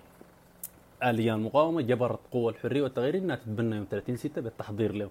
فكان يوم خالص. حق لجان المقاومة. اشتغلت عليه from A to Z كل الشغل اللي ممكن يكون على أرض الواقع. متذكرين إنه ما كان في نت ما كان في أي قدرات على التواصل. شباب اتحركوا حراك عظيم.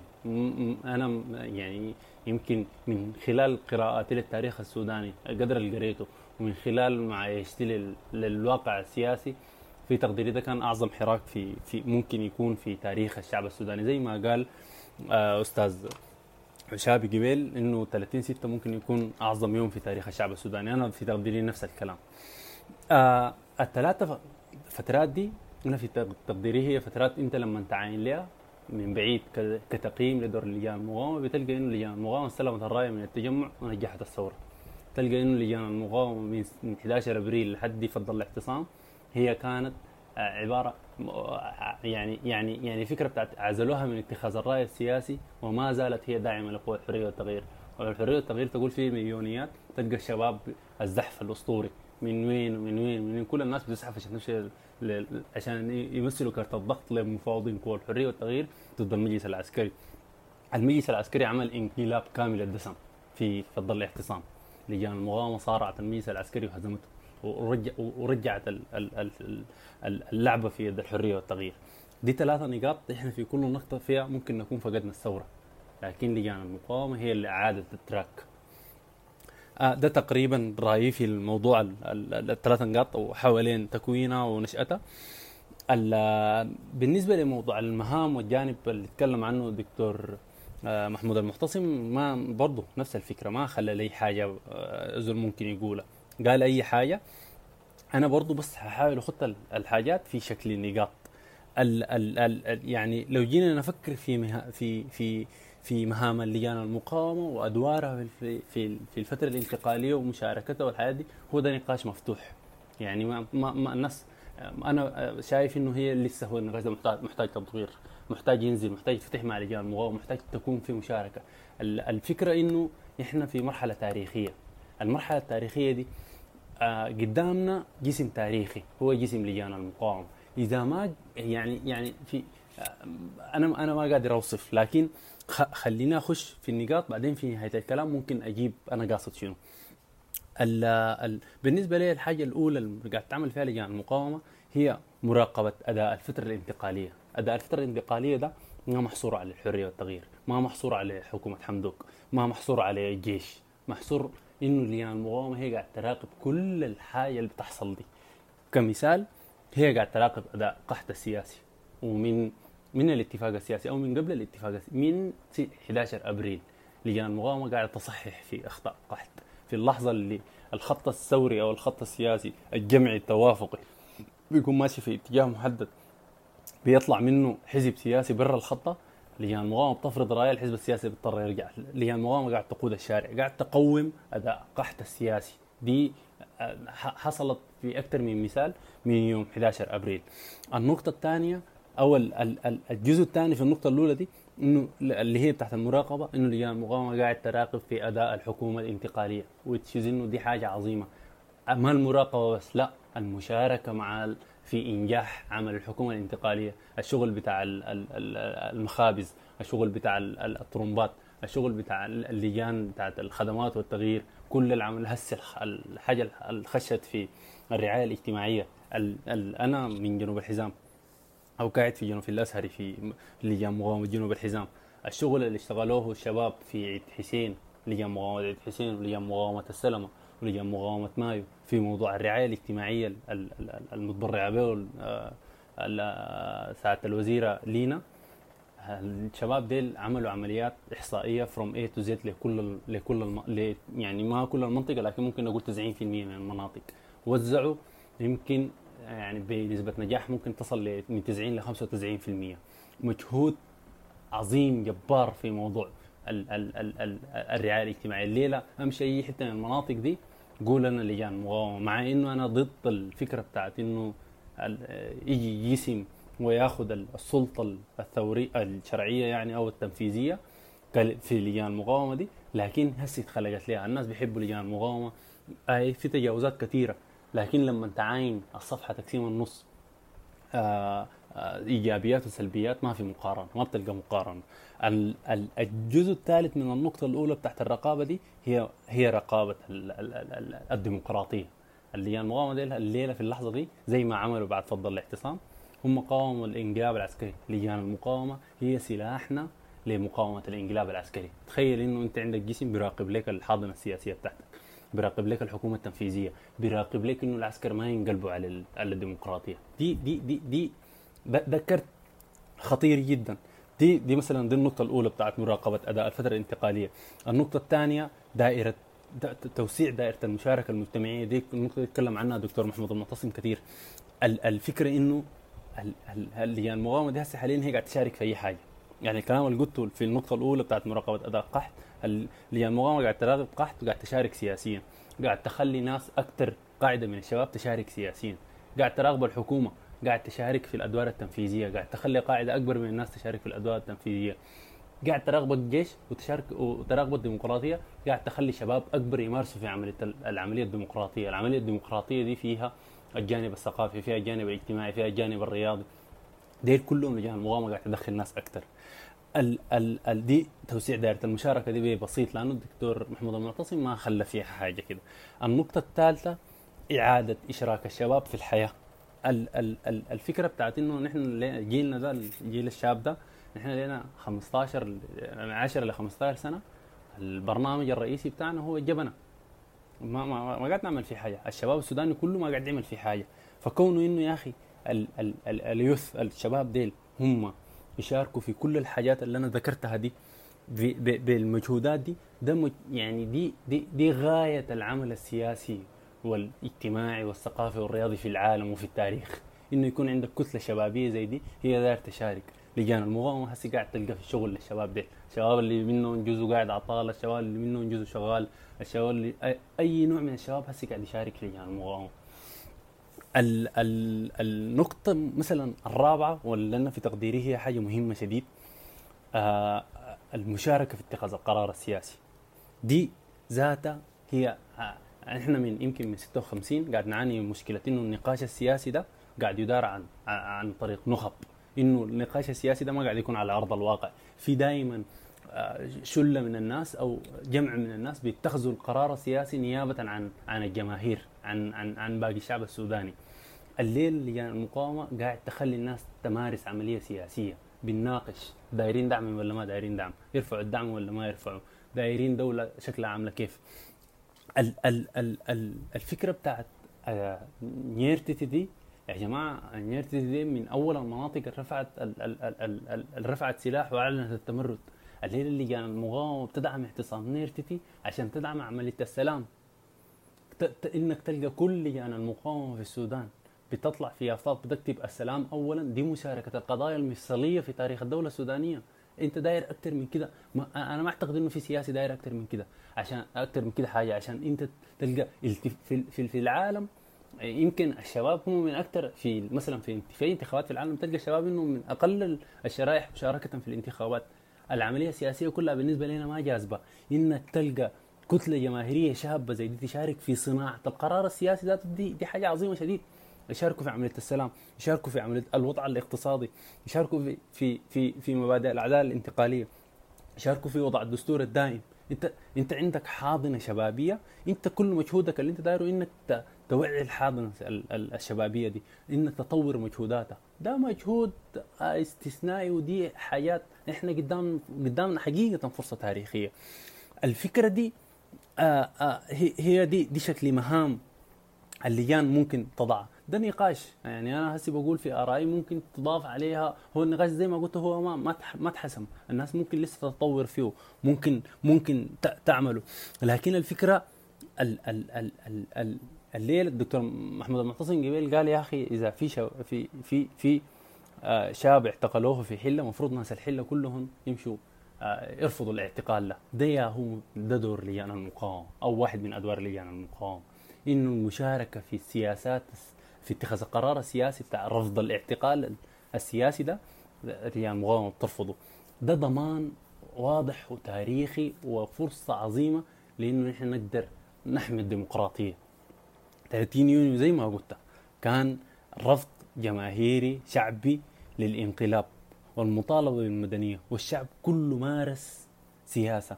آه، يا جماعة دي دي حاجة عظيمة شديد إنه أنت عندك جماهير لجان المقاومه تقدر تدعيها لدعوة بتاع 30 يونيو واسقاط انقلاب عسكري. إحنا ما ما ما دايرين أكثر من كده. إحنا دايرين هسي يكون في عملية بتاعت تدريب وتأهيل للشباب ديل عشان يقدروا يشاركوا في شكل العملية دي. ده جيل كامل آه هسي دي فرصة لأنه جيل كامل هسي في الفترة الانتقالية دي ياخذ مبادئ العملية السياسية يشارك بعد الفترة الانتقالية في في في في مناصب محلية ابتداء من اللجنة الش- لجنة الخلاق والتغيير تطلع للمعتمد الضباط بتاعين المحليات تطلع للوالي بتاع الخرطوم تطلع بعد ذاك للوزراء ال- الولايات ال- الاتحادية تطلع بعد ذاك للوزراء تطلع بعد ذاك لل- للمجلس التشريعي بعد ذاك ال- رئاسة الجمهورية نفسها. دي كلها مناصب ممكن الشباب ديل بعد ما ياخذوا فترة تدريبية في الفترة الانتقالية دي دي المشاركة السياسية حقتهم. يخشوا يخوضوا تجربتهم السياسية. ده وهذا ما نبغيه وإذا الليلة في حاجة دائما أنا قاعد أقولها إنه لو من 56 من استقلال السودان الجيش ده ما كان خش في السلطة كان آه آه أي زول مسك مسك الأزهري مسك أي زول جا خش من البداية آه فشل بعد أربع سنين. الأربع سنين اللي بعده كنا حننتخب زول جديد. فشل التجربة الديمقراطية لا لا يعني بالضرورة نجاح الإنقلاب العسكري. أن نفشل التجربة الديمقراطية الأولى ما في مشكلة. تفشل وتروح تجد تجربة ديمقراطية جديدة نجرب فيها آليات جديدة. لو من 56 جربنا ال- ال- التجربة الديمقراطية والانتقال السلمي للسلطة الليلة في 2020 كان وصلنا لنا لصيغة بتاعت كيف يحكم السودان ومن يحكم السودان وهوية السودان عاملة كيف. دي دي دي المدنية. دي المدنية الدايرينها إنه يكون عندنا القدرة على اتخاذ القرار السياسي بالمدنيين آه ال ال ال ال ال آه، يمكن بعد ذاك بنخش في في نقطة بتاعت المشاكل من حسب تجربتي. أنا في تقديري المشاكل اللي قاعد تواجه لجان المقاومة في المقام الرئيسي في الفترة دي هي التأهيل. الشباب ديل هم قاعد يخوضوا في تجربة جديدة عليهم وجديدة علينا نحن ذاتنا في الواقع السياسي. لكن هم بيفتقدوا لأبجديات العمل العام. ال- أنا شايف إنه واجب كل مثقف وكل سياسي في الفترة دي إنه يساهم في تأهيل الشباب ديل ويأخذ على عاتقه إنه يأهل الشباب ديل بالصورة الحيادية. التأهيل ذاته ما يكون تأهيل موجه. أهلوا الناس ديل بكل كل المقدرات اللي في بكل الأطياف. ال ال في النموذج اللي يجوا يسمعوا من كل من كل سياسي قحط. في النهاية أنا دار أجيب دار أهل الشباب ديل عشان يبقوا سياسيين السياسة هي ذاتها فن إدارة الدولة. عشان يجوا يبقوا يديروا الدولة دي اللي يبقوا سياسيين بعد بعد ما يعرفوا كل المعرفة اللي يمشوا يخشوا في كل الأحزاب ال- السجمانة اللي إحنا قاعد ننبذها دي ما في مشكلة. الأحزاب ذاتها ما ممكن تتصلح يعني اداء سياسي ممكن يتصلح عن طريق الشباب ديل. فال- فالفكرة بتاعت التأهيل هي مهمة بتاعت المثقف السوداني والرجل العمل العام الزول الناس العارفين كلهم يقعدوا مع الشباب ديل يأهلون. ال- ال- النقطة الثانية زي ما قال الدكتور محمود المعتصم إنه ما في غياب البرنامج الموضوع ده يعني ال- الناس ديل حاليا ما عندهم برنامج. يعني بيعاينوا لإعلان الحريه والتغيير. لكن إعلان الحريه والتغيير هو ذاته عشان فضفاض. درجته من الفضفضة دي هم ما قادرين يوجهوا قدراتهم دي على اتجاه محدد عشان كده تلقاهم شغالين أي حاجة يلقاها قدامهم. تلقاهم شغالين في المخبز بيمشوا في نقص في المخازن بيمشوا يشتغلوا في المخازن في نقص في الطرمبات بيمشوا يشتغلوا في النقص في الطرمبات. وزارة الرعاية الاجتماعية عندها مشاكل في توزيع الدعم الاجتماعي مشوا يتبرعوا أي فرقة بتاعت شغل في الفترة دي يلقاها قدامهم بيمشوا يشتغلوها. الناس دي بيشتغلوا الحاجات دي كلها هم ما عندهم برنامج. لأنه بس في حاجات شغل. نقعد ك كسودانيين نحاول نوجد لنا برنامج عمل للجان المقاومة. ما حاجة ما حاجة صعبة. الليلة الأحزاب السياسية والشباب الفاعل والناس المثقفين كلهم إذا الناس قاعدة حاولت أوجد برنامج مشترك بالنقاش مع لجان المقاومة بس دي, دي, النقطة المهمة إنه بالنقاش مع لجان المقاومة نفسها دي حاجة دوبل يعني ممكنة العمل ممكن نمشي نشتغلها يعني. ال- ال- الحاجات ال- الثانية أنا ما عندي كلام كثير داير أقوله في نقاط. الهجوم على لجان المقاومة ده قاعد يكون متحامل حقيقة يعني لأنه نفس الحاجة اللي قلتها قبل إذا جيت مسكت صفحة وقسمتها النص عملت الإيجابيات بإيجابي والسلبيات في النص الثاني قعدت كتبت الإيجابيات والسلبيات ما حتلقى في مقارنة. فحتى أنا في تقديري إنه شكل نقدنا للجان المقاومة إنه يكون نقد بناء. لكن الهجوم الأعمى والمتحامل على اللجان دي أنا شايفه دي حاجة كعبة جدا وهي قاعد تكسر من مجاديف الشباب ديل. لكن نقوم الشباب ديل ما في مشكلة. إحنا ذاتنا قاعد نغلط. الليلة العملية السياسية في السودان دي كلها كلها هسي ما في زول متفق عليه عليه 10% منها تجمع المهنيين الخلاف يمكن الداخلي فيه هسي هو بقى خات الشارع في احتمالين. انقسم تجمع المهنيين بغض النظر عن الصح منه والخطأ منه لكن حصل ظهر انقسام جماهيري. الموضوع ده فقد فق- فقد آه، تجمع المهنيين الكاريزما بتاعته. القحط اوريدي هي من يمكن من بداية من نهايات شهر أبريل أو بداية شهر خمسة. 2019 الناس ابتدت تشكك فيها. فاضل لنا لجان المقاومه ده الجسم اللي ممكن نحن نقعد نتعب ونشتغل عليه.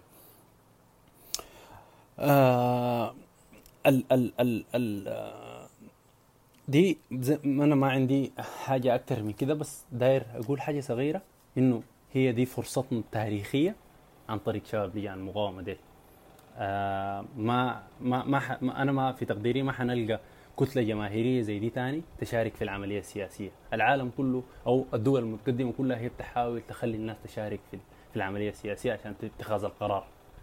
دي نحن عندنا شباب قاعدين فاضيين آه إلى حد كبير عطائهم عالي جدا تجاه الدولة وتجاه البلد. والناس دي شغالين شغل عظيم يعني. الناس دي هسه لو قعدت مسكتوا أي زول فيهم آه شفتوا نواياه وشنو حتلقوها إنه نوايا دايرين في البلد يعني. يعني هم يعني آه، ده, ده اللي قدامهم ودايرين يعملوا.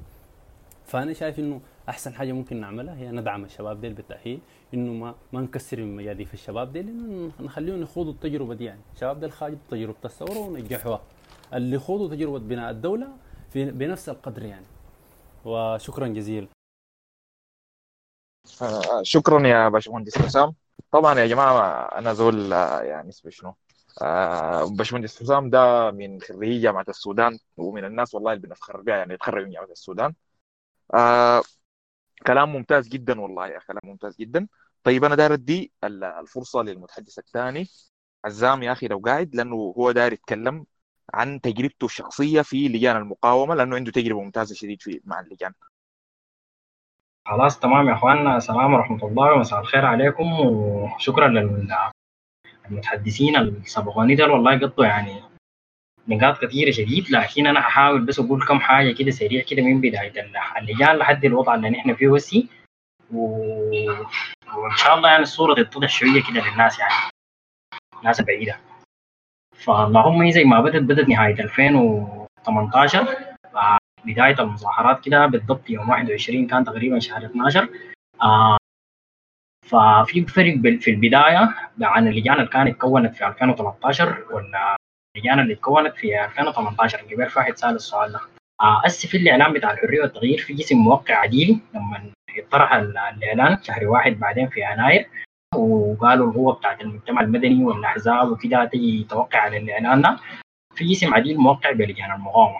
تمام؟ والوقت ذاك أصلا ما كان في آه لجان أو لجان الأحياء غالبيتها ما كانت اتكونت فالجسم الموقع ده ده هو الجسم حق 2013 قايم به دكتور جعفر خضر في القضارف تمام هو أصلا كان قام بالجسم بتاع لجان المقاومه الموقع أصلا في موضوع إعلان الحريه والتغيير في الوقت ده. ما ياها نفس اللجان الحالية بتاعت المقاومه بتاعت 2018 يا اخواننا تمام؟ أو لجان الأحياء النسي. ديك براها وديك أصلا جسم واحد دي كانت فكرة عند دكتور جعفر خضر في القضارف آه هسي بتاعت 2018 دي آه شباب يعني شباب في كل حي وكده وبدوا وبدت بالناس اللي بتطلع الزلط الناس اللي بتطلع الزلط والناس اللي بتقفل الشوارع وبدت بيقفل الشوارع وحرق اللساتك والحاجات دي جالي هم لما شافوا الإعلان نزل في صفحة التجمع المهنيين تمام انه في أي حي تتكون. اللجنة الناس اللي بتطلع الزلط دي قامت بقت اللجنة لجنة المقاومة يعني ما لجنة الحرية والتغيير. آه بعد ذاك قامت ال- الناس دي بدأت الشغل. بدأوا الشغل بينتظروا البيان حق تجمع المهنيين عشان عشان الشغلة ما تكون جاهزه أو الضغط يكون منظم ضد الحكومة. آه بعد ذاك بقت في اللجنة وبقت اللجنة ذاتها بتحاول كل ما تشوف إنه في زول طلع برا الجدول تحاول تضمه للجنة.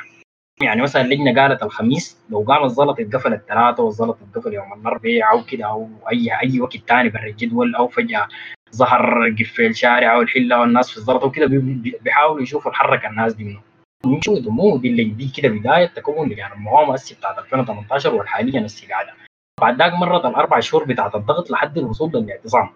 الوقت ده الاتصال كان كيف بين الناس وكان كيف بين بين اللجان نفسها وبين تجمع المهنيين وبين قوى إعلان الحريه والتغيير كان بواسطة لجنة العمل الميداني. لجنة العمل الميداني دي هي كانت العاملة الحاجة دي، الناس دي كان دورهم الأساسي إنه يجوا نهاية الموكب مباشرة، يعني أول ما الموكب مثلا بدأ الساعة واحدة بعد المغرب أول ما الموكب ينتهي وخلاص الناس دخلت البيت وجهاز الامن جه ضرب وبتاع واعتقل اعتقال والشرطة الامنيه والفجر والكلام ده. بعد ذاك بيقوموا بيه يكون عندهم تواصل مع زول. بيجوا بيتواصلوا مع الزول ده وبيسألوه ها القوات الأمنية جات الليلة شنو واعتقلوا كم و- ويستخدموا يعطوا طريقة بومبان ضربوا رصاص الحصل شنو كده بياخذوا تفاصيل يعني تامة شاملة لل- للي حصل في اليوم. بعد ذاك كان بيمشوا دي كانت وسيلة التواصل لحد آه الاعتصام. بعد الناس قامت دخلت الاعتصام وصلت الاعتصام. يا هو زي ما قال قبل تقريبا آه، الدكتور. قام قال انه اللجان كانت مقسمه وكانت حاميه تماما الاعتصام وكانت مقسمه التروس تمام الكلام ده أصلا كان من البدايه من يوم 6 ابريل ذاته لما الناس دي آه بقت تقول خلاص نقعد وما نقعد بتاع وتجمع المهنيين ما قال اقعدوا تجمع المهنيين ما قال في اعتصام بتاع الكلام ده لسه ما كان يعني يعني نزل في بيان رسمي يوم 6 ابريل ذاته آه فاللهم قام يعني بس من من نفسهم كده اللجان قالوا خلاص يا اخواننا إحنا شنو؟ لأنه الجهاز ده حيجي يضرب حيجي يضرب. الناس تمسك الشوارع. لجنه مشت هنا ولجنه أمشي هنا وبتاع وكده وبتاع. اللهم الناس مسكت الشارع وبقت شنو؟ تساعد في نفسها لحد ما الاعتصام شنو؟ استغر والناس بقت تجي ولحد السقوط. في الاعتصام قام ظهر ال- النوايا بتاعت لجنة العمل الميداني وهو اعلان الحرية والتغيير من الاعتصام. إنه الناس دي بقت عندها نية ضد لجان المقاومه لأنه أصلا الأحزاب دي ما في النهاية دايرة كوادر ودايرة شعب تحكمه يعني في النهاية يعني سياسيا كده. أنت داير لك شارع تكون بتحركه لحزب سواء معارضة أو سواء لما أنت تحكم ما حتحكم نفس الشارع ده. فالحاجة دي بيقدروا يفقدوها بسبب اللجان دي. الحاجة دي وضحت للجان من زمن ال- الاعتصام والمنصة بتاعت الاعتصام وكده. قامت في خصخصة كده بقت تحصل بين لجنة العمل الميداني اللي هي مواصلة بين اللجان مع اعلان الحريه والتغيير والتجمع المهني. فاللهم بعد ذاك ما مشكلة لحد ما الاعتصام جاء يتفضل. آه بعد ما يتفضل بعد ما يتفضل الاعتصام آه ياهو قام الشغل بقى معتمد اعتماد كلي على ال على على على على اللجان وعلى ال على الاحياء والشغل في الاحياء والدعاية حقت الاحياء وكده على أساس 30 يونيو الناس دي كلها تطلع وكده. والاتصال الوقت ده كان صعب جدا جدا جدا. حتى بلجنة العمل الميداني ذاته الاتصال كان صعب. لا قادرين يتحركوا يجوا لا قادرين تلفونات لا بتاع يعني ما ما مع اللجنه ذاتها يعني. مع مع اللجان كلها. خرطوم بحري ومزرمان. والوقت ذاك لسه اتصال بين الولايات ذاته ما في. يعني الشغل كان معتمد اعتماد فردي على كل لجنة وحية. بيجاي بيجاي بيجاي لحد ما جينا 30 يونيو 2019 ونجح والمجلس العسكري جاء وكده وبتاع ونزل. بعد ذاك بقينا ماشيين نضغط نضغط نضغط لل لحد ما جل الاتفاق وتكونت الحكومة وكده. بعد ما تكونت الحكومة اللي هو الكلام ده كان بالضبط كده شهر 8 2019 وبعد ذاك تشكلت الحكومة وجا وزير الحكم المحلي وكده. بعد ذاك قامت جات القصة بتاعت آه اللجان بتاعت الخدمات والتغيير. زي ما ذكر قبل برضه الدكتور إنه اللجان دي يعني عملت بإشراف من لجان المقاومة. وكان كل الهدف بس إنه ما تخترق من من النظام الفات. حتى في مناطق يعني أنا بعرفها فيها لجان خدمات وتغيير فيها كيزان. أو يعني يعني كانوا مؤتمر وطني يعني. لكن اللجان ما ضغطت في الحتة دي لأنه كان بانتخاب ديمقراطي.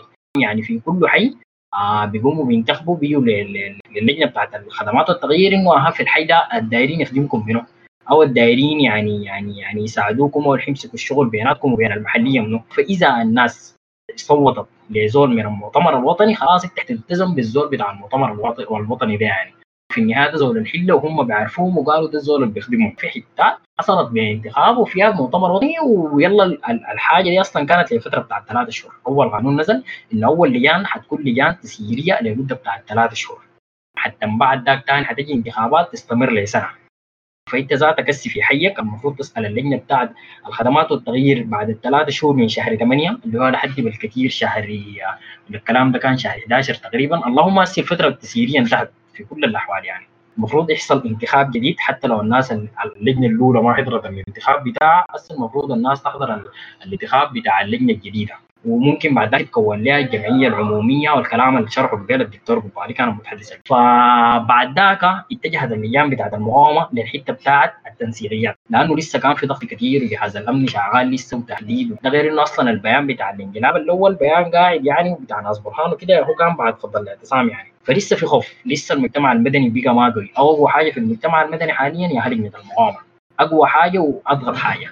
فأنا كنت أجيب لكم الكلام ده بالبيانات عديل يعني أنتوا أنتوا لأنه احتمال الناس ما تكون متابعة لدرجه البيانات لكن الكلام ده آه لو تابعتوا البيانات كده بيظهر بيظهر المشاكل الحاصلة بين اللجان بين لجنه العمل الميداني والكلام ده كله بينزل كان في في صفحة التجمع المهنيين فاللهم بعد ذاك قامت اللجان قسم شهر واحد الفات ده لأنه بعد ذاك الطلبات أو خروج الشارع ذاته بقى حبة كده يمشي على احزاب معينة. ده غير إنه كان في لجان كثيرة دار تخترق. فاللهم بسبب الحاجات دي آه اللجان حاولت تتوحد. إنها تصل لنفسها.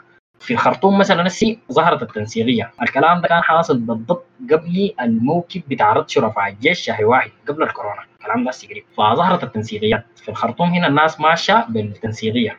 تمام؟ لجان المقاومه ماشيين بالتنسيقية ولو لو تابعتوا البيان البيان بينزل بالتنسيقية. في بحري يعني جربوا التنسيقية لكن تقريبا ما نفعت ومشوا بالمركزية. في ام درمان ماشيين بالتجمع كل حاجة وهيكلتها يعني. لما جات التنسيقية دي هسه بقت بقوا مترابطين مع بعض. اللجان بتاعت المقاومه كلها عشان الضغط يكون واحد ويكون في آه ويكون في تنظيم. بعد ذاك الكلام ده قامت ما رضت الأحزاب ولا رضت آه لجنة العمل الميداني. اللي هي دي بتواصل بتكون اللي اسمه آه لجان المقاومة مع اعلان الحريه والتغيير. فاللهم قلنا يا إخواننا إن جات الفكرة بتاعت التنسيقية دي. للتنظيم وللضغط. وحتى في الخرطوم ذاته زي ما قلنا الناس كلها ما مشت بنفس الفكرة يعني. مثلا قلنا هسه الخرطوم مشت بالتنسيقية قلنا بحري مشت بالمركزية ومدرمان مشت بحاجة اسمها التجمع. فده كله طبعا ما ما ما لجان خدمات وتغيير لجان خدمات وتغيير ديل هم الناس اللي تعبوا في العيش والناس اللي تعبت في ال- في السكر. والجرجرة الحاصلة مع الوزارات دي كان في التجارة والصناعة كان المحليات. ولجان المقاومه اشتغلت مع لجان الخدمات والتغيير برضو في الضغط بتاع بتاع كان ال- الوكلاء بتاعنا الدقيق تمام؟ عشان يتحولوا من من الوكلاء للمحليات. برضه يلا في في مشكلة برضه حاصلة في المجتمع. انت دائما الحاجة اللي بتخوفك دي هي الكلام ما بيمشي. إحنا برضه الحاجة دي ذاته لحد هسه ما لاقي لها حل. يعني الكلام العديد كده يعني لجنه الخدمات والتغيير دي مع إنها لجنه منتخبه ومنتخبه الحي سواء محزبين ما محزبين اللهم الحي. انتخبوا الناس دي وقالوا دايرين الناس دي تخدمنا وتمثلنا مع المحلية. برضه المحلية بيتعاكس في الناس دي. الكلام ما بيمشي. الا يجوا يقولوا الكلام ده جاي من لجنه المقاومة حتى الكلام يمشي. أو إذا زول مشى المحلية اللي أنت مواطن ساي مشيت المحلية أو منتخب اسمك قاعد في المحلية إنه والله أنت لجنة خدمات وتغيير جيت محل اللجنة الشعبية زي ما ذكروا بل برضه كلامك ما بيمشي. إلا تجي بالعين الحمراء كده وتقول أنا لجنة مقاومه ولو ما عملت بحرك الشارع وبجيب الحلة وفي في فارغة زي دي قاعد تحصل. دي ذاتها مشكلة. آه برضه بيل في آه تقريبا حسام ولا الأول اللي اتكلم قبل الدكتور تقريبا كان في نقطة قال حتة التعريف. قال له تعريف كده للجان أنا برضه كنت أتكلم في النقطة دي لأنه الرؤية بتاعت اللجان والهدف بتاع اللجان وموقع اللجان ذاتها الكلام ده كله مرتبط تماما بالتعريف بتاعها ان إحنا لازم نعرف الحاجة دي. لازم نلقى للحاجة دي تعريف. عشان بعد نجي لحتة القانون ولوضعها القانوني ولانها حتشارك في في المحلية ولا حتشارك في في المجلس التشريعي ولا حتشارك في الحاجات دي كيف؟ الكلام ده كله بيرتبط بالتعريف نفسه نفس دي هي هي ذاتها شنو؟ بعد إحنا بنقدر كده نشوف القانون بتاعها قانونيا كده حتكون شنو؟ أنا لا عاوز بقدر يحاكمني لو عملت أي حاجة كلجنه مقاومة يعني لأن أنا ما عندي وضعي قانوني في السجلات عند الشرطة ولا عند جهاز الامن ولا عند أي حتة يعني. سرقت اكلت عملت أي مصيبة بتاعت زمان ففي في مشكلة بتاعت ال- التعريف. والمشكلة الثانية بتاعت القانون. قانونيا ما قاعد قانونيا ما قاعد. فقانونيا دي ذاتها دي مشكلة هسه من المشاكل بتاعت اللجان وإنهم بعد ذاك يقوموا يدخلوا في في في- المجلس التشريعي نفسه. دي حاجة عندها إيجابياتها وعندها سلبياتها. آه، هسه حاليا المشكلة الثانية من الاحزاب إنه الاحزاب دار تقضي على الحاجة بتاعت أو ال- ال- الأجسام بتاعت لجان المقاومة. آه يعني ال- الاحزاب أصلا ساقطة ودي حاجة معروفة وتجربتها ذاتها سقطت قبل كده. وما نجحوا وتجمع المهنيين هسه كمان يعني فيه مشكلة وزي ما قال برضه الدكتور إنه والله هسه جسم بالنسبة له انتهى وكده. فالخط الأخير الفاضل لجان المقاومه بعدين الناس دي يشيطنوا في اللجان دي بأي طريقة عشان ما تنجح. سواء عشان ترسل المفهوم بتاع الديمقراطية للزمن الطويل أو سواء تحافظ للفترة الانتقالية أو أي حاجة من المهام بتاعتها الحالية. الاحزاب ناوية على الحاجة دي. والشيطنة قاعد تحصل بوين؟ بلجنه العمل الميداني. اللي هو هسه مثلا زي ما قلنا آخر حاجة حصلت وين؟ في في الموقف بتاع 30 يونيو اللي فات. في ناس مشت مجلس الوزراء وفي ناس مشت شارع المطر.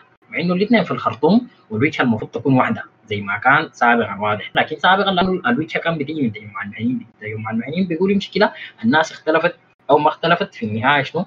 بيمشوا بكلام التجمع. بس التجمع راح. خلوا اللجان بطريقة تمام وعلى حرية تغيير نفس الحكاية.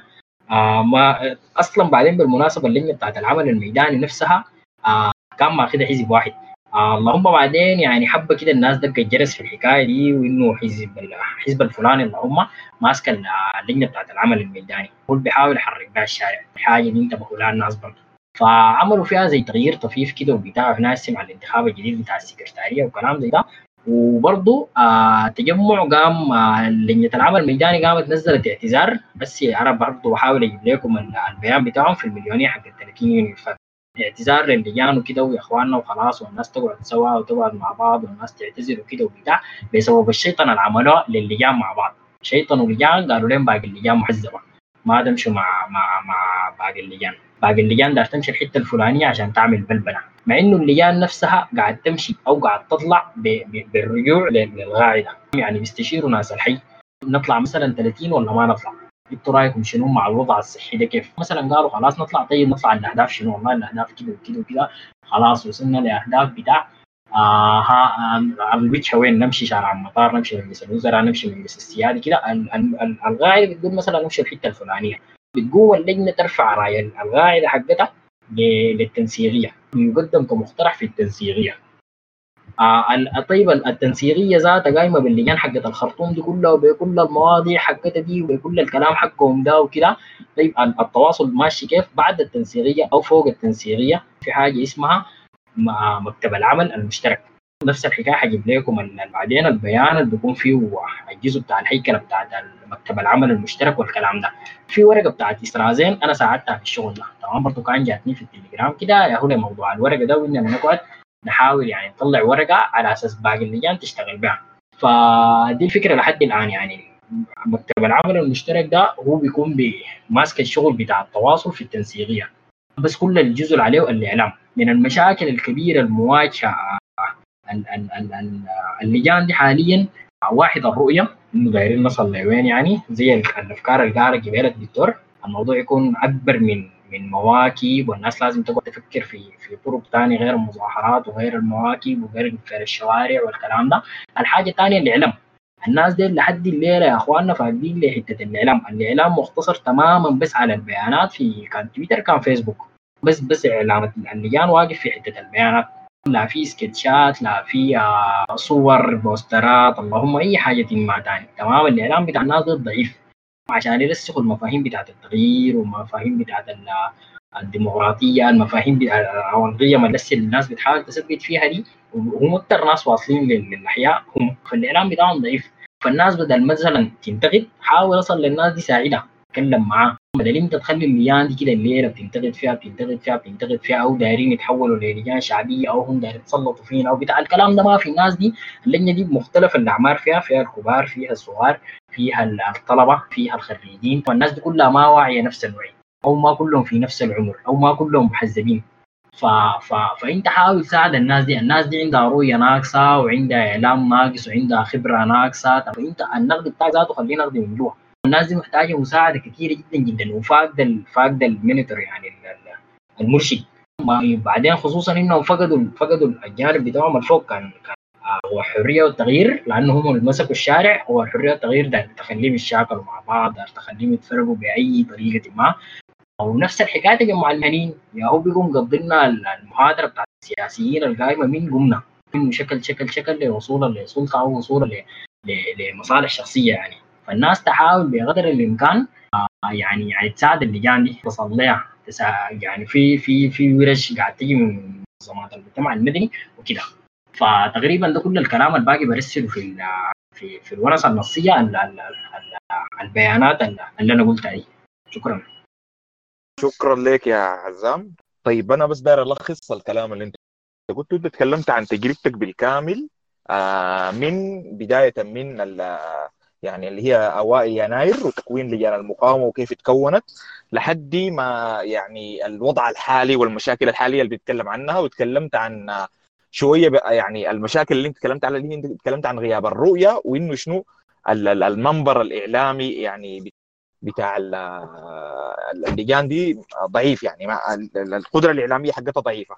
طيب كلام جميل جدا جدا. يا ريت بس ترسل لنا كل الحاجات اللي انت قلتها داير ترسلها هنا عشان آه، نشوفها بعدين داير أسألك سؤال بس سريع كده. المنطقة المتواجد فيها في الخرطوم وين؟ عشان إحنا بس لأنه في ناس حتى بيسألوا يعني آه، لأنه الممارسه اللي تكلمت عنها إنه اللجنة قاعد ترجع للحي. أي صح صح والله. صح. هو. هم مستغربين جدا من الحتة دي. صح صح صح. الحاجة بالضبط؟ دي اي صح فعلا. الحاجة دي ما مطبقة في عند الغالبية يعني. أي في لجان عندها في لجان ما عندها وكده. آه أنا من الشجرة خرطوم الشجرة. تمام جبال. برضو الدكتور كان علق إنه كان في ثلاثة حتات بالضبط الضغط بتاعها كان آه كان شديد في في في في الأربع شهور بتاعت اصلاحات النظام. تمام اللي هم كانوا بري والشجرة والعباسية. أنا من الشجرة. لا لا كده وضحت وضحت الفكرة أنا ما برضو دي النقطة يعني في المقدمة تكلمت عنها إنه يا إخواننا آه في اختلاف المناطق بيأثر شديد على اختلاف تجارب الناس مع لجان المقاومة. أيوه أيوه. يعني أيوة. ما ما كلها واحدة في في الحكاية دي. أستاذ أبو السباع لو سامعنا تفضل سامعني أنتم؟ آه, آه أستاذ أبو السباع أيوه كده س- كده- سامعنا كده تفضل طوال. آه، أول حاجة تحية لكم جميعا. آه، تحية لجان المقاومة في كل مكان على امتداد الوطن ال- الوطن الواسع السودان. لكن داير أتكلم من من من داير أتناول موضوع آه، يعني بعدين سريعات كده زي ما بيقولوا في موضوع لجان المقاومة. أول حاجة الحاجة الأولى تلاحظ إنه بعض آه، الناس اللي كانوا منتمين للنظام السابق الكيزان آه، بيصدروا المشهد في كثير من الأحيان. في بعض لجان المقاومة في مناطق كثيرة جدا آه، وجوه معروفة آه، يمكن كانت شغالة مع النظام البايد بشكل أو بآخر وهي لسه ما زالت تتصدر المشهد. نفس الطريقة بتاعت التفكير القديمة اللي هم شغالين بها وقاعدين يشتغلوا بها دي محتاجة وقفة حقيقية لأنه دي بتخرب آه، عمل لجان المقاومه بطريقة واضحة يعني. آه، يمكن الحاجة دي ظاهرة أكثر شيء في في في التداخل الحاصل ما بين لجان المقاومة ولجان الخدمات. آه، لأنه في في ناس كانوا متابعين من لجان الخدمات زمان أو اللجنة الشعبية زي ما كانوا يسموها. ما دايرين يخلوا عن ال- الامتيازات اللي كانوا يمتازوا بها زمان. فبقوا شغالين آه، مقاومة. في لجان المقاومة أو وضع عراقيل لشغل لجان المقاومة في ال في ال في الأحياء آه، دي محتاجة وقفة حقيقية ومحتاجة الناس آه، تقدر آه، تنقح لجان المقاومة دي بحيث انها تقدر تقوم بدورها بطريقة مثلى. النقطة الثانية يمكن اتطرقوا لها شباب اللي تكلموا قدامي بس بسرعة كده يعني اللي هي ال- ال- الأدوار الاقتصادية يمكن للجان المقاومه شنو؟ هل هي يا حت- حتظل لجان بتاع المقاومة تخدم في الأحياء عشان تحقق أو تساعد الحكومة الإنتقالية في إنها تحقق أهدافها الاقتصادية ولا الشباب ديل ما في النهاية هم شباب عندهم مرحلة عمرية معينة محتاجين فيها إنه كل زول عنده اهدافه الخاصه يحققها يعني أنا أنا ما داير زول يضحي تضحيه كاملة آه، ب- بحياته بحاجاته الشخصية مقابل الحاجات عامة. انت ما المفروض يكون عندك توازن. آه، رحم الله الشهداء نذكرهم انه ضحوا بأنفسهم وأرواحهم في دل الوطن. لكن انت برضو آه، تحقيق أهدافك الشخصية هو جزء من تحقيق ال- الأهداف العامة بتاعت المجتمع والأهداف العامة بتاعت البلد. انت لما تكون متفوق في مجالك آه، بالتاكيد بتكون إضافة حقيقية للبلد. شنو ال- ال- ال- الوزن ال- الاقتصادية في المعادلة في إنه آه، كثير من الناس بيطلقوا على لجان المقاومة انهم هم شباب عواطلية أو شباب صغار ما عندهم شغل عندهم طاقة عارفين نستفيد منها. آه، نحن كيف نقدر نخلق نموذج بتاع آه، business أو بتاع آه، ممكن ما نقول عليه business حتى مشاريع اقتصادية عشان تستفيد منها. لجان المقاومة دي في الأحياء آه، إذا كان آه، عبر الشغل آه، جزء جزء من الناس يشتغل في التعاونيات جزء من الناس يشتغل في زراعة. قبل واحد من الشباب المتحدثين قال ال- آه، شباب لجان المقاومة في في في جنوب الحزام بيتكلموا عن إنه الناس بيركبوا مواصلات عشان يمشوا يشتغلوا في مناطق ثانية. في حين إنه في مناطق كثيره جدا أو المنطقة الصناعية تركيز المنطقة الصناعية الجديدة كله جنوب الحزام وجنوب الخرطوم. ليه؟ الناس ما تكون عندها رؤية واضحة في إنه تطور نموذج اقتصادي يساعد لجان المقاومة على أداء عملها. بطريقة أفضل. وفي نفس اللحظة الشباب ده يكون كل زول آه، عنده فائده حقيقية بترجع له إذا كان فائده مادية أو فائده بتاعت خبرة أو فائده بتاعت آه، كارير أو وظيفة أو أي حاجة تضاف له لل- للسي بتاعه عشان آه، تساعده في المستقبل في إنه يكون زول مؤهل من من نواحي كثيره من ناحية علمية من ناحية بتاعت خبرة عملية.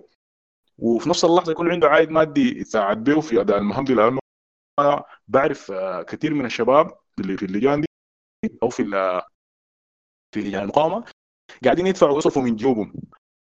يعني يعني الموضوع ده مرهق جدا لهم كأفراد مرهق لأسرهم برضو آه، مع الأوضاع الاقتصادية الضاغطة في البلد.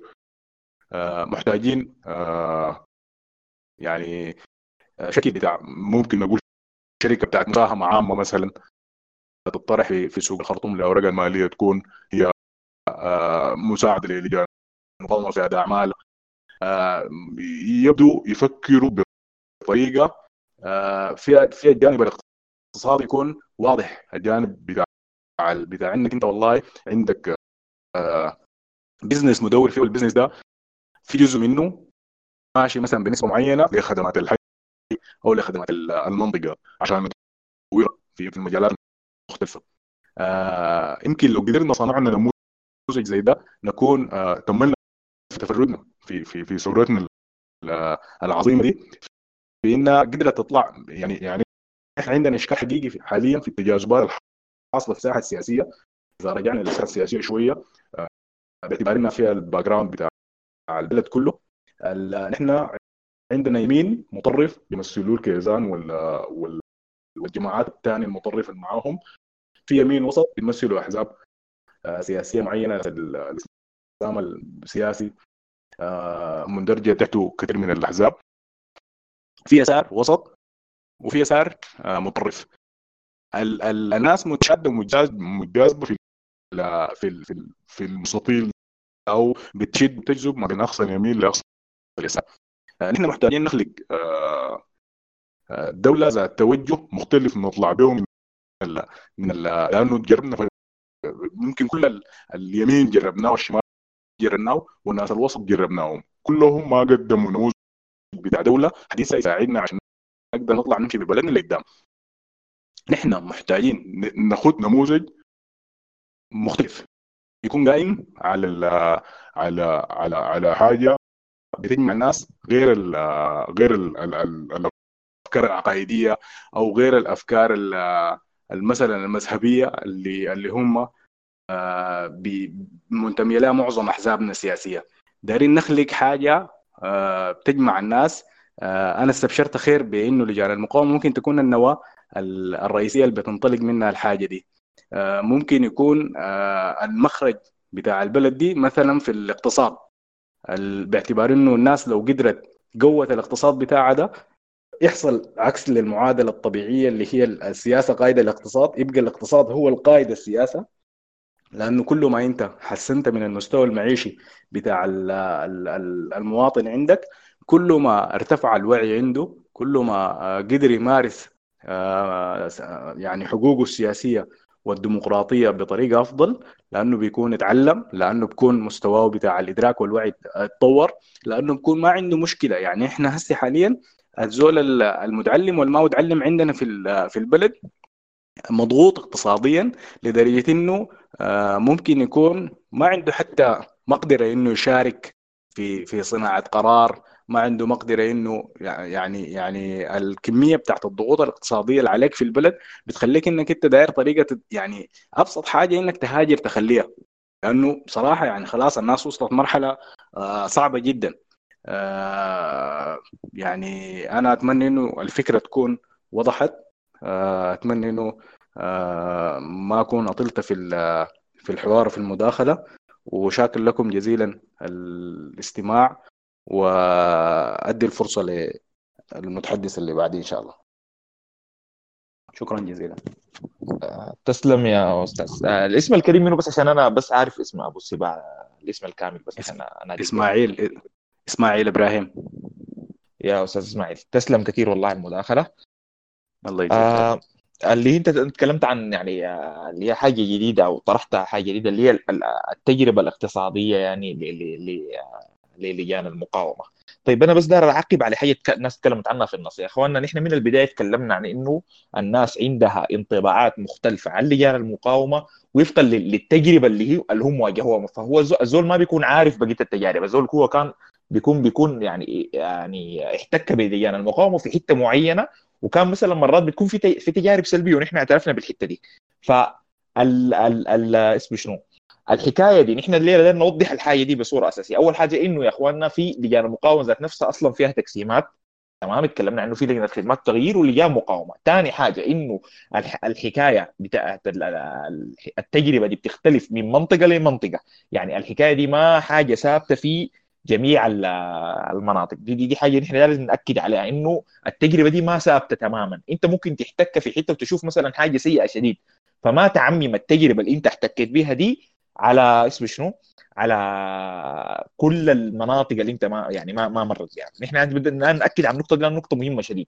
لأنه في ناس الآن اتكلمت عن عن نقاط إيجابية. أنا شخصيا ال ال في يعني المنطقة اللي أنا كنت عايش فيها في السودان حاليا خارج السودان لكن ال- أهلي هناك بيتكلموا عن حاجة جميلة جميلة في أقصى يعني يعني آه، الجمال في في في تجربتهم لجان المقاومة. في يعني مجهود جبار جدا ومجهود هو عبارة عن تطوع بحت ناس ما عندها أي مكسب مالي مثلا حتستفيد في من الحاجة دي. في ناس بتساهر مساهرة شديد شديدة على إنه مثلا تحل موضوع الغاز. في ناس شغالة في موضوع مثلا بتاع الخبز. يا أخي إنه يا أخي حلوا حقيقة كده حلوا مشاكل الخبز في في في منطقتهم بشكل تام. بقى ما في أي صفوف في الخبز. في ناس والله العظيم بياخذوا عرباتهم الشخصية وبيقعدوا يوصلوا الخبز ده للبيت. لحد باب البيت أيام الكورونا دي كان بيدقوا الباب للناس يسلموهم الخبز وبرضه ألغاز وكده. فنحن نتكلم عن ناس والله قدموا مجهود عظيم جدا. فأنت ما ممكن تبخس من المجهود ده بس بي عشان أنت تجربه سيئه بس مرت بك كده أنا شايف في أسئلة انطرحت آه هنبدأ الآن ب يعني طرح الأسئلة. لو الزول عنده أسئلة معينة داير يجاوب عليها. آه فممكن يتداخل بس يطرح السؤال ده ونحن نترك الإجابة لبقية المتحدثين. طيب في سؤال آه بدري جدا. طرحه سامح أستاذ سامح يتكلم عن آه، هل يمكن تسجيل لجان المقاومة كهيئات طوعية أو منظمات سياسية بشكل قانوني أو رسمي؟ آه، دكتور محمود لو موجود بس ممكن تك- تتكلم لنا في الحتة دي اللي هي آه، بالنسبة للجان المقاومة عشان تكون مقننة هو زي ما اتكلمنا إنه في حصل آه، محاولة للتقنين بالشغل اللي عمله وزير الحكم الاتحادي في في آه، نوفمبر 2019 باللي هو آه، اسمه شنو قانون كان لتنظيم يعني لجان المقاومة اللي سماها خدمة التغيير أستاذ محمود؟ أيوه أيوه أيوه. الدكتور شكرا أيوة. شكرا. ده ده سؤال ده والله يا أخي مح محمود ساي كويسة. بعدين بالمناسبة لو الناس تسمع ما تقوم تسمع الدكتور دي تفتكرني عملت لي دك دكتوراه في لجان المقاومة ولا حاجة. أنا طبيب مجرد طبيب يعني. طيب بالنسبة لل بالنسبة لل ب...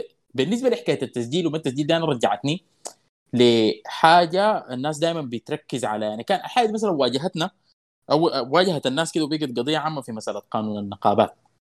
فجأة من من إنه نحن مالكين للمبادرة يعني الكيزان ده ما كان في زي شيء بيسالوا بيقولوا يا جماعة قانون النقابات شنو عشان نعمل نقابه الاطباء كانوا بس بنقوم بنجي كده بنعمل نقابه الاطباء وبعد ذاك هم أعلم في خير يركبوه يعني.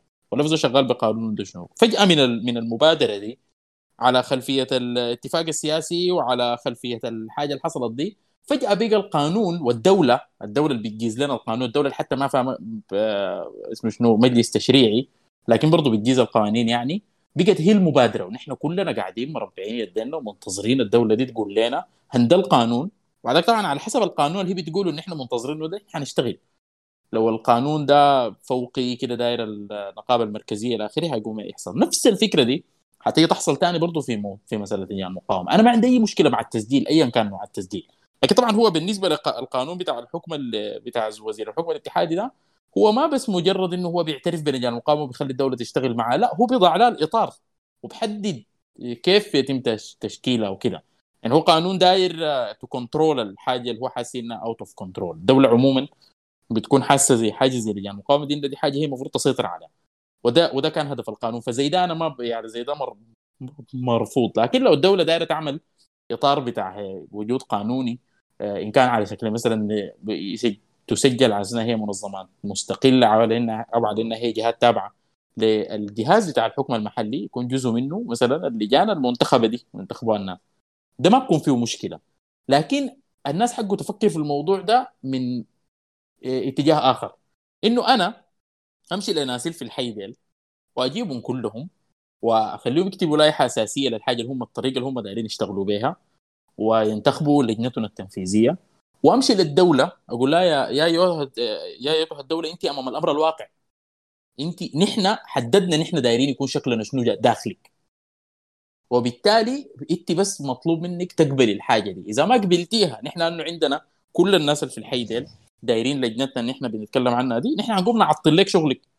كلنا كده مع بعض يعني. طوال الدولة دي حتقوم تقبل شكل الحاجة الإطار الناس دايرة تكون جواه وده أصلا فكرة العمل النقابي والعمل المدني وكده إنه الناس بتخلق لنفسها شكل من التنظيم براها وتفرضه على الدولة.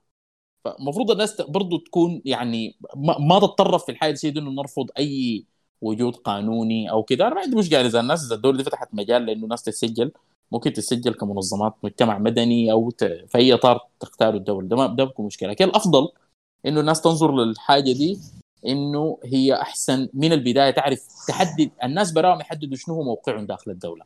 يعني أنت لو انتظرت الدولة دي تحدد لك انت موقعك هيكون شنو؟ هي حتختار لك الموقع التابع اللي بتدير تنفذ لها المهام بتاعتها. وده ما كره للدولة عام. يعني أنا ما ما ما عندي مشكلة مع الدولة دي ربما تكون تعمل حاجات كويسة جدا. لكن الفهم أن إحنا لازم نصل له وخاصة في فترة الديمقراطية يعني الدولة دي هي ما محكومة حتى بالديمقراطية البرلمانية بصورة كاملة. نحن لا نحن لازم ننظر لعلاقات القوة ولعلاقات القوة وللعلاقات الطبقية بأنه منو المسيطر على الدولة دي هسه الليلة؟ هل يعني بس الناس يعني آه، هل في طبقة معينة؟ مسيطرة على الدولة دي عندها مصالح ربما تكون مختلفة عن مصالح الناس في لجان الاحياء والحاجة الثانية شكل مقدار القوة المالكاو الناس الناس اللي في الدولة دي مقدار القوة اللي عندهم قدر شنو؟ وهل ده ما ممكن يكون مهدد لنا؟ إذا هم امتلكوا قوة شديدة وربما يعملوا ممارسة نحن ما نقبلها. آه، فعشان كده لازم إحنا دائما نكون عندنا شك تجاه الدولة. وما يعني لو جينا نسجل ما نسجل ما نسأل السؤال ده سؤال- كسؤال إجرائي نساله بسؤال يعني هل نحن الدولة دي لما تيجي تفتح لنا تقول لنا تعالوا سجلوا كده ده تعبير منا عن إنها هي مالكة زمام كل شيء وهي قادرة تديرنا. لو كده ده مرفوض. لو هي الحاجة دي تعبير منا إنها هي والله خلاص عرفتنا نحن قادرين يعني ندير نفسنا بنفسنا وقادرين نقتلع حقوقنا وخلاص وجودنا بقى آه، بوضع اليد. زي النق... زي النقابات في الدول الديمقراطية اللي عندها حراك نقابي طويل وكده. بعدك هي قررت إنها عشان تقدر تتعامل معانا عشان ما يبقى الموضوع جوطي إنها توفر إطار. دي هنا ما بكون في مشكلة. فدي دي الطريقة اللي أنا حشوف بها السؤال ده. طيب يا دكتور بس خليك هنا خليك شوية كده في أسئلة تانية إضافية بس أنا داير أدي فرصة لكودو يدي مداخلته ونرجع للأسئلة. يا كودو كودو حبيبنا يا أخي وأنت من من رواد ال server يعني. تفضل طوالي. يا كودو موجود؟ كودو حرد ولا شنو؟ لا لا لا ما حردت يا عزيزي. بسم الله. بسم الله الرحمن الرحيم طبعا أنا بس كنت في الكوبري. أنت عارف لأنه أنا سايق فباختصار كده ال- ال- ال- آه، الزول ذاته استغفر الله كان يقول حاجة اهمه آه، السلام عليكم ورحمة الله وبركاته شباب. آه، يعني نبدأ ترحما على الشهداء جميعا الرحمة والمجد للشهداء والشفاء للمصابين الموجودين لحد حسوا المنكوبين والوصول التام للمفقودين جميعا إن شاء الله. آه النقطة هي متابعة للكلام اللي كان طرحه حسام باشمهندس حسام قبل ما يطلع اللي هو نقطة إنه ادخلوا خوضوا التجربة بتاعت لجان المقاومة. آه إن إحنا ك ك كبشر عندنا المشكلة بتاعت النقد ال- ال- السلبي لو قلنا إنه سميناه سلبي أو قسمناه لنقد إيجابي ونقد سلبي إنه نحن بنحب الكلام الكثير في الحاجات بدون ما يكون عندنا دور فاعل و يعني حاجات إيجابية تجاه ال- ال- الحاجة اللي نحن بننتقد فيها دي. آه، بمعنى آخر آه، يا ريت كل واحد مننا يكون بعد ال- النقاش بعد النقاش اللي حصل عن آه، لجان المقاومة ودورها إنه يقعد مع نفسه ويشوف إنه هو قاعد يقدم شنو ويراجع يراجع حساباته شخصيا يعني مع نفسه إنه هو هل قاعد يقدم في حاجة كويسة للمجتمع اللي حوله؟ اللي هو ابتداء باللجنه بتاعت الحي الخدمات والتغيير. هل هو قاعد يقدم في دور مناسب ومصحح للمسار بتاع الثورة مع الشباب في لجان المقاومة؟ هل هو مقدم يد العون ال- ال- هم بيحتاجوها؟ تساؤلات كثيره الزول المفروض يطرحها عن نفسه على نفسه باعتبار إنه نحن كلنا سمعنا الكلام ده الليلة وسمعنا تجارب شخصية من ناس كتار وشايفين الحال قدامنا يعني الشيطان اللي قاعد تقوم للجان المقاومة التخبط اللي قاعد يحصل لهم بسبب إنه ما في خبرة كافية. يعني ساعة منك مثلا في الأسبوع هي بتحل مشاكل كثيره آه بالنسبة للموضوع بتاع الشيطنة بتاع لجان المقاومة والأدوار اللي قاعد تقوم بها والموجة ال- ال- القوية الحاصة في إنه ال- ال- اللجان ما شايفه ما شايفة دورها بوجه اول لجان قاعد تحاكي في الموضوع بتاع الكيزان. النقطة بتاعت ال- النقطة بتاعت الرقابة. يعني نحن خلونا نتفق يا جماعة إنه نحن كلنا كل زول بينه وبين نفسه آه، فيه جانب سيء. الجانب السيء ده بيتفتح في آه، في أماكن كثيرة. يعني نحن أي واحد مننا الليلة ممكن يكون قاعد في مركز من أي مراكز القوة في في أي سواء كانت لجنة سواء كان حي سواء كان ال- الموضوع شنو؟ آه يشوف إنه إنه هو يعني مخول له إنه يعمل أي حاجة سواء إنه يستعمل القروش دي الليلة كدين سواء يشيل القروش يتحكم بها في حاجة ثانية بدون ما يستشير وهلم جرى يعني كأمثلة. فنحن محتاجين للدور بتاع المراقبة من باب تحسين ال- الأداء والجودة بتاعت ال- الأعمال اللي بيقوموا بها الشباب كعموم في لجان المقاومة. وكلنا كأشخاص يعني يعني كون إنه نحن نسلم بإنه أي زول فرد موجود في لجان المقاومة أو في لجان الخدمات والتغيير هو حيكون نظيف تماما وما حيكون معرض لإنه هو يغلط أو اعمل أي حاجة ممكن تعرض ال- ال- ال- ال- ال- ال- اللجان لمشاكل ولشيطنه وكده. ان إحنا بنكون بنكذب على نفسنا فمحتاجين لدور رقابي فعال ويكون بطريقة كويسة جدا بينه وبين ال- ال- ال- اللجان يعني. الحاجة الثالثه الموضوع بتاع ال- ال- الخبرة. للأسف الشديد آه، في لجان بتاعت مقاومة كثيرة جدا رافضة دخول آه، بحكم وجودي حولهم يعني. رافضة لدخول الاعمال الكبيرة باعتبار إنه ديل ناس زمان كانوا بيقولوا لنا أنتم ما كويسين وأنتم قاعدين آه، قليلين أدب وبلا بلا بلا إنه الناس ديل حاجاتهم كلها كعبة يعني. إنه نحن ما حندخل الناس ديل معانا مهما كان. لكن المفروض يحصل إنه يكون في زي كوكتيل كده لأنه في النهاية نحن مهما كابرنا الخبرة بتلعب دور كبير في الأعمال الزي دي. نحن محتاجين لناس يدخلوا معانا يدونا آه، جزء من خبرتهم على أساس إنه الأعمال تمشي بصورة أفضل وبصورة تكون أحسن وبصورة تكون مميزة يعني آه، للجميع.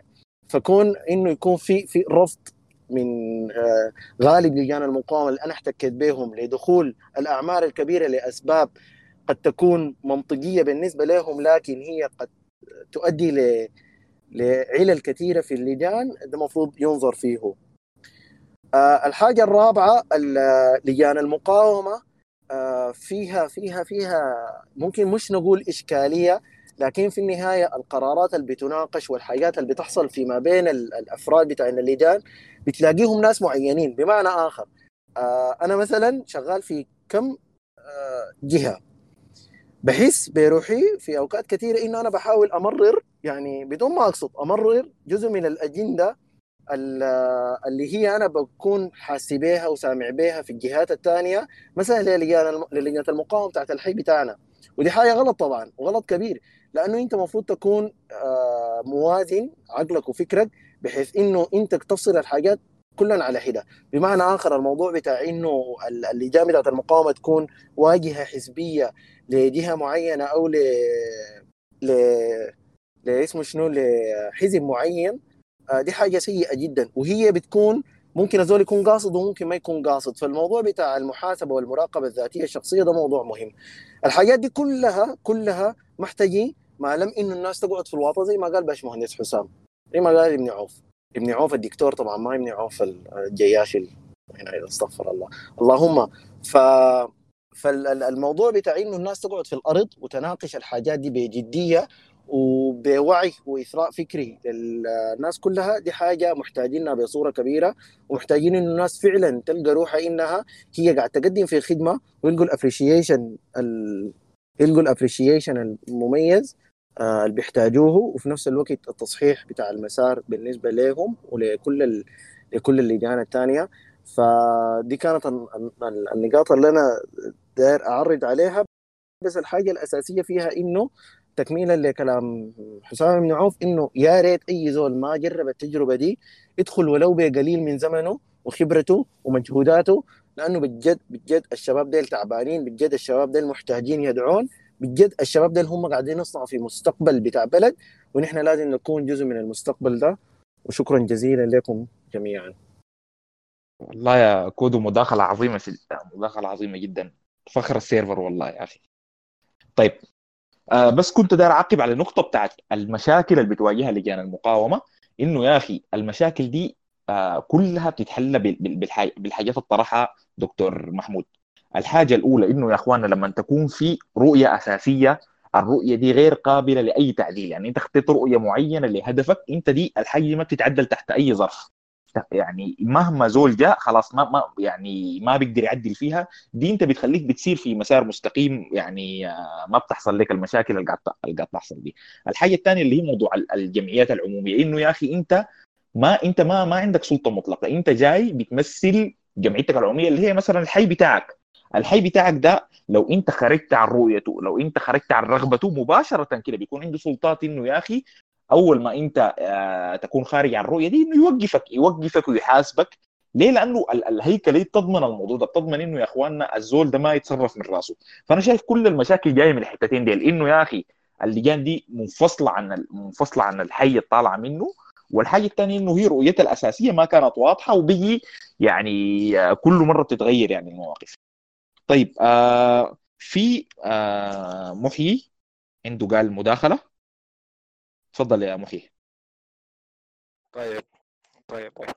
طبعا يا دول برضو أنا من ما من البداية كنت قاعد في السيف يعني ما من الساعة 8 فاحتمال يكون في زول نوه للنقطة اللي عايز اقولها ولا السؤال اللي عايز أقوله. فالمهم أنا شايف إنه يعني من العيوب والمشاكل اللي بتواجه لجان المقاومه حاليا انه ما متحدين كجسم واحد. يعني أنا الليلة خدت في نفسي الليلة لجان المقاومه ما كونوا جسم واحد. هي مثلا ما عندهم حساب موحد في تويتر مثلا مثلا في تويتر؟ لكل لجان المقاومه اللي بحر.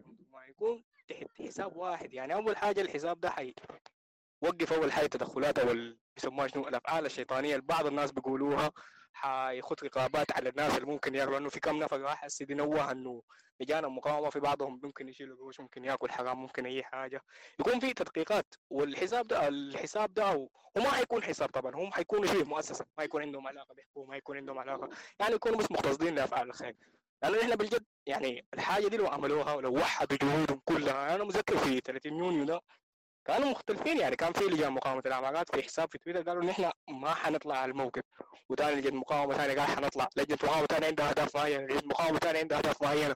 فالحاجة دي ما بتخدم لجنة المقاومه كجسم الليلة لو نزلت وحدوا كجسم واحد حيفيدوا حي... حتكون قفزة كبيرة لهم هم ذاتهم قبل ما تكون لنا إحنا كشعب وكدولة. يعني إحنا كنا مؤملين في الجماعة المهنيين إنهم يرفعونا فوق انه نكون الحامل الثوره بس للأسف خذلونا. فحاليا ما أتوقع في ناس ممكن يحمونا أو يكونوا حامين للثورة زي آه لجان المقاومه فدي حتكون خطوة عظيمة شديد فبس ده كل سؤال. ليه؟ يعني شنو الصعوبات اللي بتواجههم إنهم يعملوا حاجة زي دي؟ صح في صعوبات كثيرة؟ بس يعني ما ممكن وما في أمل إنه حاجة زي ممكن تحصل لأنه بجد أنا شايفها حتكون معظم حاجة عظيمة يعني. بس وشكرا طيب تمام تمام. مداخلة اللي هي عن توحيد لجان المقاومة. لكن أسي عزام اتكلم لك إنه يا أخي في جهود زي دي حصلت؟ اللي هي جهود تكوين تنسيقيات تنسيقيات بين اللجان ال- ال- ال- اسمه شنو؟ المقاومة المختلفه إنها هي تنسق فيما بعضها في العمل يعني. لكن برضه زي ما قلت إنه ال- ال- التجربة دي محتاجة لضبط أكثر وعد آه، برضه طلبت مداخلة. يا وعد. أيوه سامعينك السلام عليكم. عليكم السلام. بس ارفعي صوتك شوية كده بس يا وعد. آه معلش هعلي الصوت. أنا وعد آه من اللجان بتاعت أم بدة الحارة الأولى. آه أنا شايفاكم اتطرقتوا لحاجات كثيرة لكن أكثر حاجة هحب أعقب عليها أو أنبه فيها يعني أنا كان بودي أرد على أي حاجة. لكن آه اللجان آه حسب المنطقة الجغرافية بتختلف بتختلف شديد يعني في تركيبتها في طريقة شغلها في أعضائها في الوعي في المهام الموكولة لها يعني آه الحاجة دي بتأثر شديد يعني. أنتوا تكلمتوا عن قانون الحكم المحلي اللي صدروا طبعا ده بخص لجنة الخدمات والتغيير ما بتخص ال- اللجان بتاعت المقاومة تحديدا.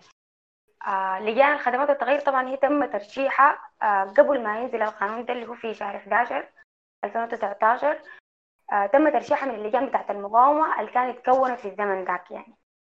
فلقدام حتحصل طبعا انتخابات من لجان المقاومة بمعرفة الأحياء. طبعا لأنه ما في دزدة في الوقت الحالي حيكونوا لقدام فحاجة تاني حيتم انتخاب بتاع لجان الخدمات والتغيير. آه حرد في المست... في زول قال مستقبله شنو؟ ميبي مستقبلها تبقى زي اللجان الشعبية بتعيين وميبي تتحلى وبعد ذاك يتم تعيين بشكل مختلف تماما. دي ما حاجة إحنا بنقررها الحاجة الأساسية اللي خلتني أتداخل هنا عايزة أقول إنه أنت بتتكلم في حاجات مهمة شديد لكن أنا بعتبرها بصراحة يعني آه، دي غبزة بعيدة شديد في موضوع اللجان يعني. آه، إحنا لازم نبني من تحت من فروم سكراش زي ما بقولوا. الناس اللي في اللجان ما كلهم بيعرفوا الشغل العام ما كلهم بيعرفوا الشغل النغابي. آه، على الأقل ما بيعرفوا الشغل الإداري. أنا ما بنقص من من معرفة أي زول ولا بقدر أقدح في أي حاجة. لكن من خلال تجربتي اللي هي في لجان مقاومة واتطورت مشت للجان بتاعت آه، خدمات وتغيير أقدر أقول إن إحنا محتاجين تدريب وتأهيل. آه لأنه في حاجات أساسية بيغلطوا فيها اللجان ذاتها بتدخلهم في ممكن تكون تصل لمساءلات قانونية. بالنسبة لأم بدة تحديدا إحنا عندنا مشاكل عصيبة يعني عويصة عديل كده. آه، في طريقة التعاطي ذاته مع اللجان ومع أفرادها وفي مع الأمور هم الأفراد ذاته مع الأمور ومع المشاكل. وكيفية الشغل القانوني المؤسسي الإداري الهرمي كده. فأنا بصراحة ما عايزة أقول لكم إن أنتوا آه، شكلوا قضاياكم أو المشاكل بتاعت لجنة المقاومة في حتات تانية عموما. مختلفة مننا لكن إحنا لما نجي نبني ما حنبني بس الخرطوم. بما نحن لما نجي نكون عايزين نبني الدولة دي عموما كلها ما حنبني العاصمة. حيكون لازم يكون ال- الولايات والأطراف والهامش. فبالتالي جوا العاصمة ذاتها إحنا المفروض نكون كلجان بتاعت مقاومة. مش لجنات خدمات التغيير لأن لجنة خدمات التغيير هي نفسها يعني المهم ديك ما كلهم شغل إداري. إحنا لازم نكون يد واحدة لأنه نفس المراحل اللي قاعد يصلوا فيها مثلا اللجان بتاعت المعمورة الصحافة بري أم درمان مثلا بيت المال. يعني هي في لجان معروفة ودي مع بدأت الشغل بتاع المقاومة من بدري شديد يعني من بداية المظاهرات. المفروض تتكاتب على أساس إنه كل الشغل يكون واحد ومؤسسي واحد في كل اللجان. في في جاب على فكرة يا جماعة. آه، أخاف أو أكاد أجزم بقول إنه فعلا في حتات هامش ما عندنا حل غير إنه إحنا نقول هامش يعني. فلازم يكون الشغل إنتوا طالما عايزين ماشيين لقصة بتاعت نشوف دور اللي قدام حيكون شنو آه، قوانين تحميها مصيرها أو ال- لجان المقاومة ذاته الحاجات ال- اللي بت- بتضبط شغلها شنو. لازم تكون في شغل لأنه اللجان ال- اللي في الأطراف أو اللجان الما ما مطورة أو ما بتعرف الشغل بطريقة نقول عليها شنو يعني بطريقة تخ... يعني تخلي الشغل في الإطار القانوني بتاعها وتحفظها ويحفظ أعضائها وتحافظ على الشغل الثوري ذاته ومكتسبات الثورة اللي قدام فلازم يكون في اهتمام بالحاجات دي. آه ما عايزة أطول عليكم لكن ده رأيي ويضاف لباقي الآراء اللي قاعد تناقش شكرا جزيلا. والله يا وعد آه، مداخلة مهمة شديد والله. يعني جبتي حاجة ما ما ما يعني ما طرقت قبل كده. طيب آه، آه، داير ارجع للأسئلة. آه، دكتور معتصم بس لو تخش معي لأنه في سؤالين موجهات لك آه، داري الناس يسمعوا جوابك منهم. جدا. طيب آه، قال آه، إنه لجان الخدمات والتغيير شكلها المثالي في ظل نموذج الحكم المحلي ممكن يكون عامل كيف؟ تكلم إنه يعني آه كيف ممكن يكون الشكل المثالي للجان الخدمات والتغيير. اللي هو يعني مم. اعتبرها جزء من الحكم المحلي. أيوه. طيب آه لجان ال... يعني مثلا إذا بس دايرين نعمل خطوط عريضة للحاجة اللي أنا مثلا بشوف إنها ممكن تكون آه، مناسبة إنه إذا إذا كانت المحلية دي متكونة من يعني فلنفترض إنه عندنا جهة ال- الجهة الإدارية النهائية تحت اللي هي المحلية مثلا وهي متك... بتجمع جواها عشر أحياء. وكل حي من الأحياء ديل بصورة ديمقراطية كده يقوموا ينتخبوا ممثلين لهم في المحلية في المحلية تحت دي الحاجة الثانية إنه ما بس المسألة إنه هم ينتخبوا نفسهم وبعد ذاك يبقوا هم إداريين. مجرد إداريين الدولة تديهم الأوامر بالطريقة القديمة من فوق لتحت وهم ينفذوا. طبعا ده دي برضه بتكون نقلة لأنه الزول اللي أنت انتخبته ده بتضمن إنه شفافيته وفي حاجات كثيره بتحصل بالحياة المعروفة يعني.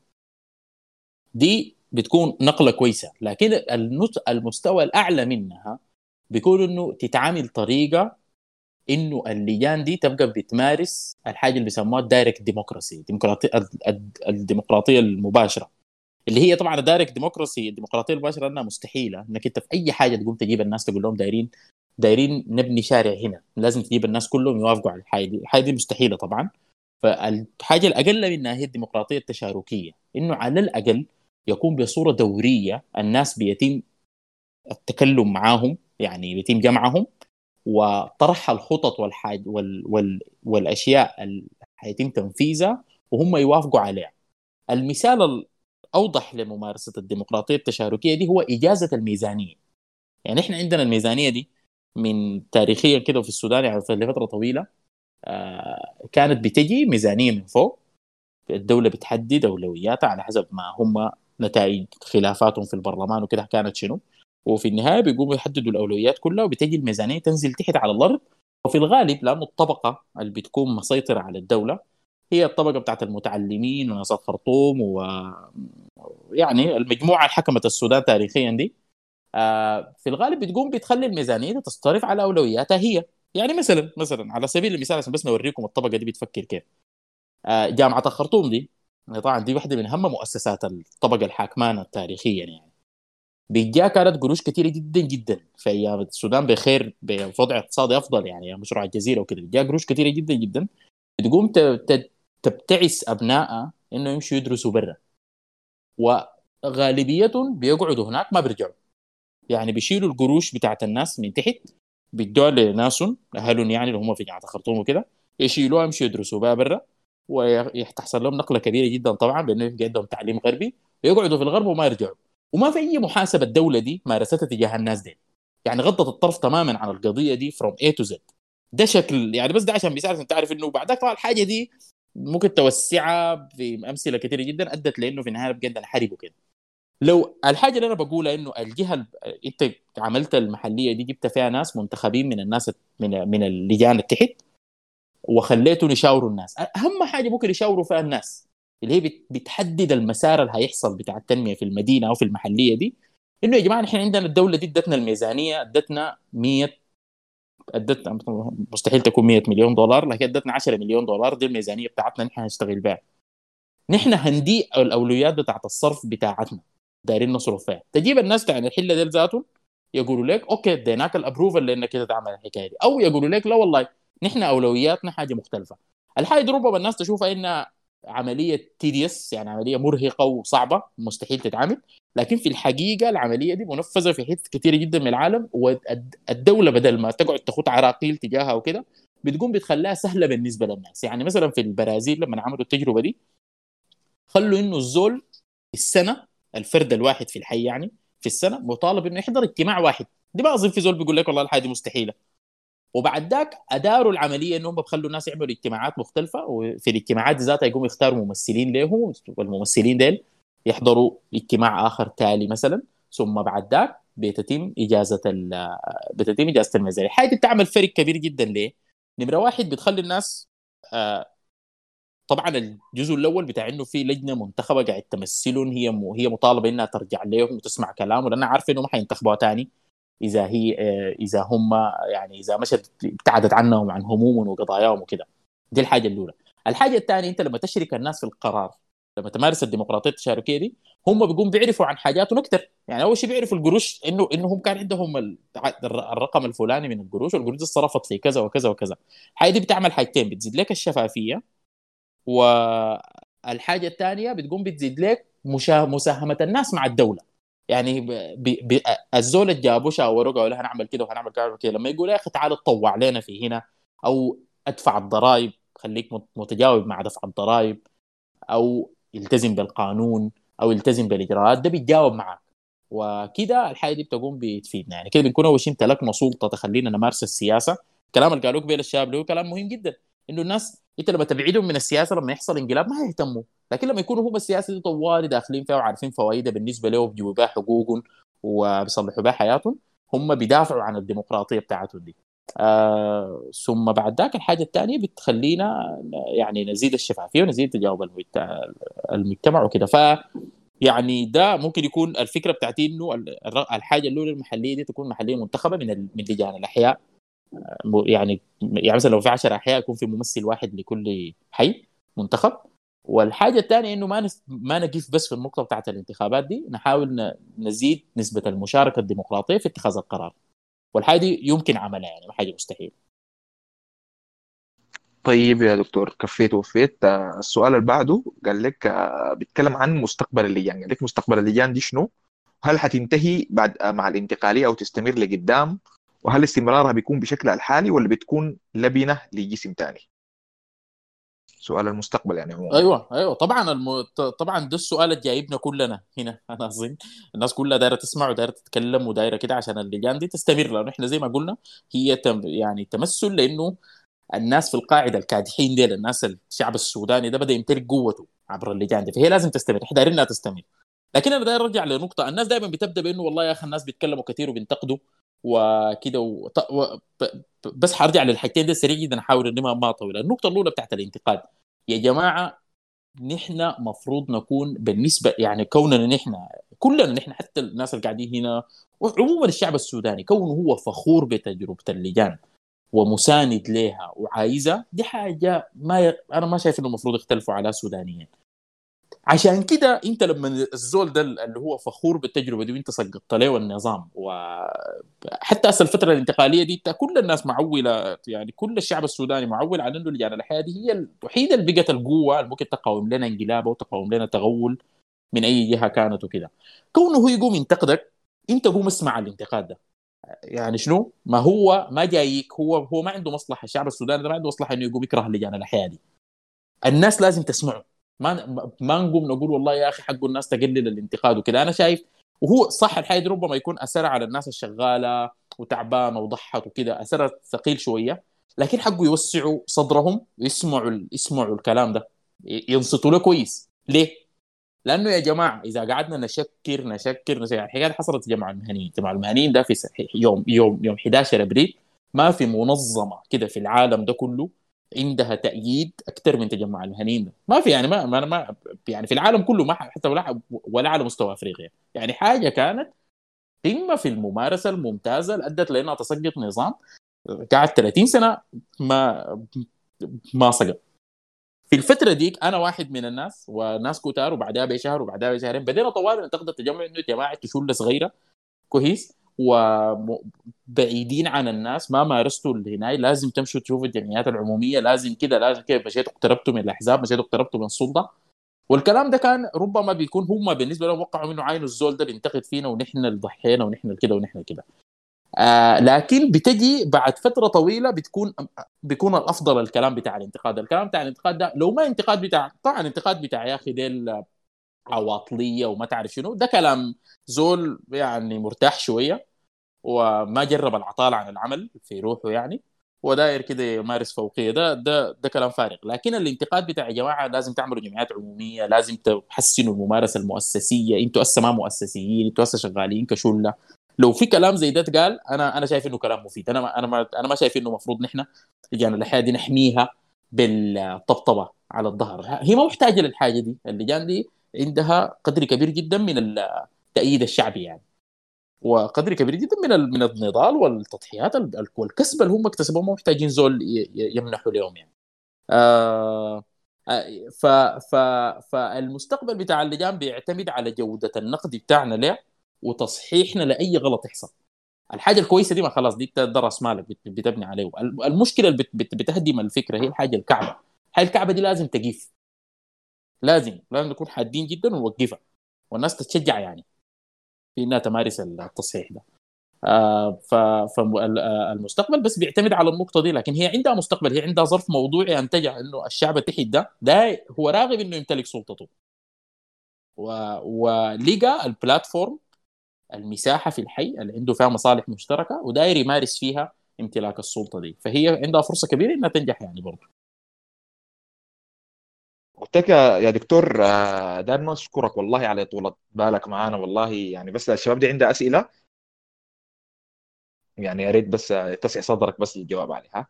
آه جدا جدا. وأنا هحاول أختصر برضه طيب طيب طيب تمام.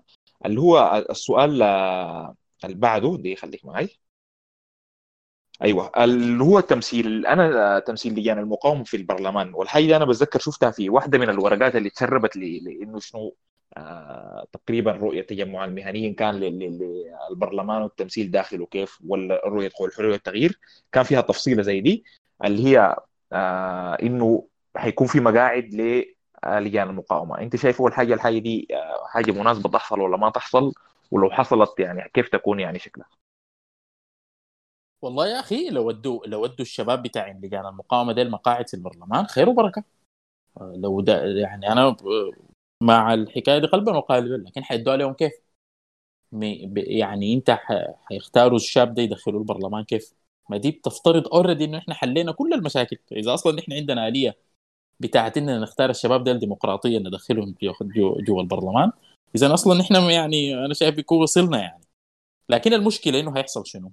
آه المشكلة إنه هم بالتحالفات الفوقية بتاعتهم دي بقوا دايرين لهم مخرج يعني هم كل ما يشعروا بانه يعني الطبقه السياسية بتاعتنا دي طريقة ممارستها كده. يعني هي في البداية شعرت بأنها هي بعيدة عن الناس. بدل ما تحاول تمارس لا ممارسة قاعدية حقيقية وتمشي تقترب من الناس ديل زي الكلام اللي قالوه عدد من الشباب اللي هنا. بتقوم تحاول تصنع لها جسم فوقي يكون عنده آه شعبية اللي هو ده تجمع المهنيين. فقاموا جو عبر تجمع المهنيين وقاموا مارسوا فيه السياسة بتاعتهم دي ورفعوا بيه ناس ونزلوا بيه ناس وكده. وهو لكن لسه جسم فوقي. هم لسه هم قاموا يبت- بدل بدل ما يكون حل مشكلتهم قاموا خلوه بقى جزء من مشكلتهم يعني. فالحاجة اللي هتحصل برضه إنه حيقوموا يقولوا مثلا في تنسيقيات لجان مقاومة كذا وتنسيقيات دي نحن دايرين نعترف بها ونديها مقاعد في البرلمان.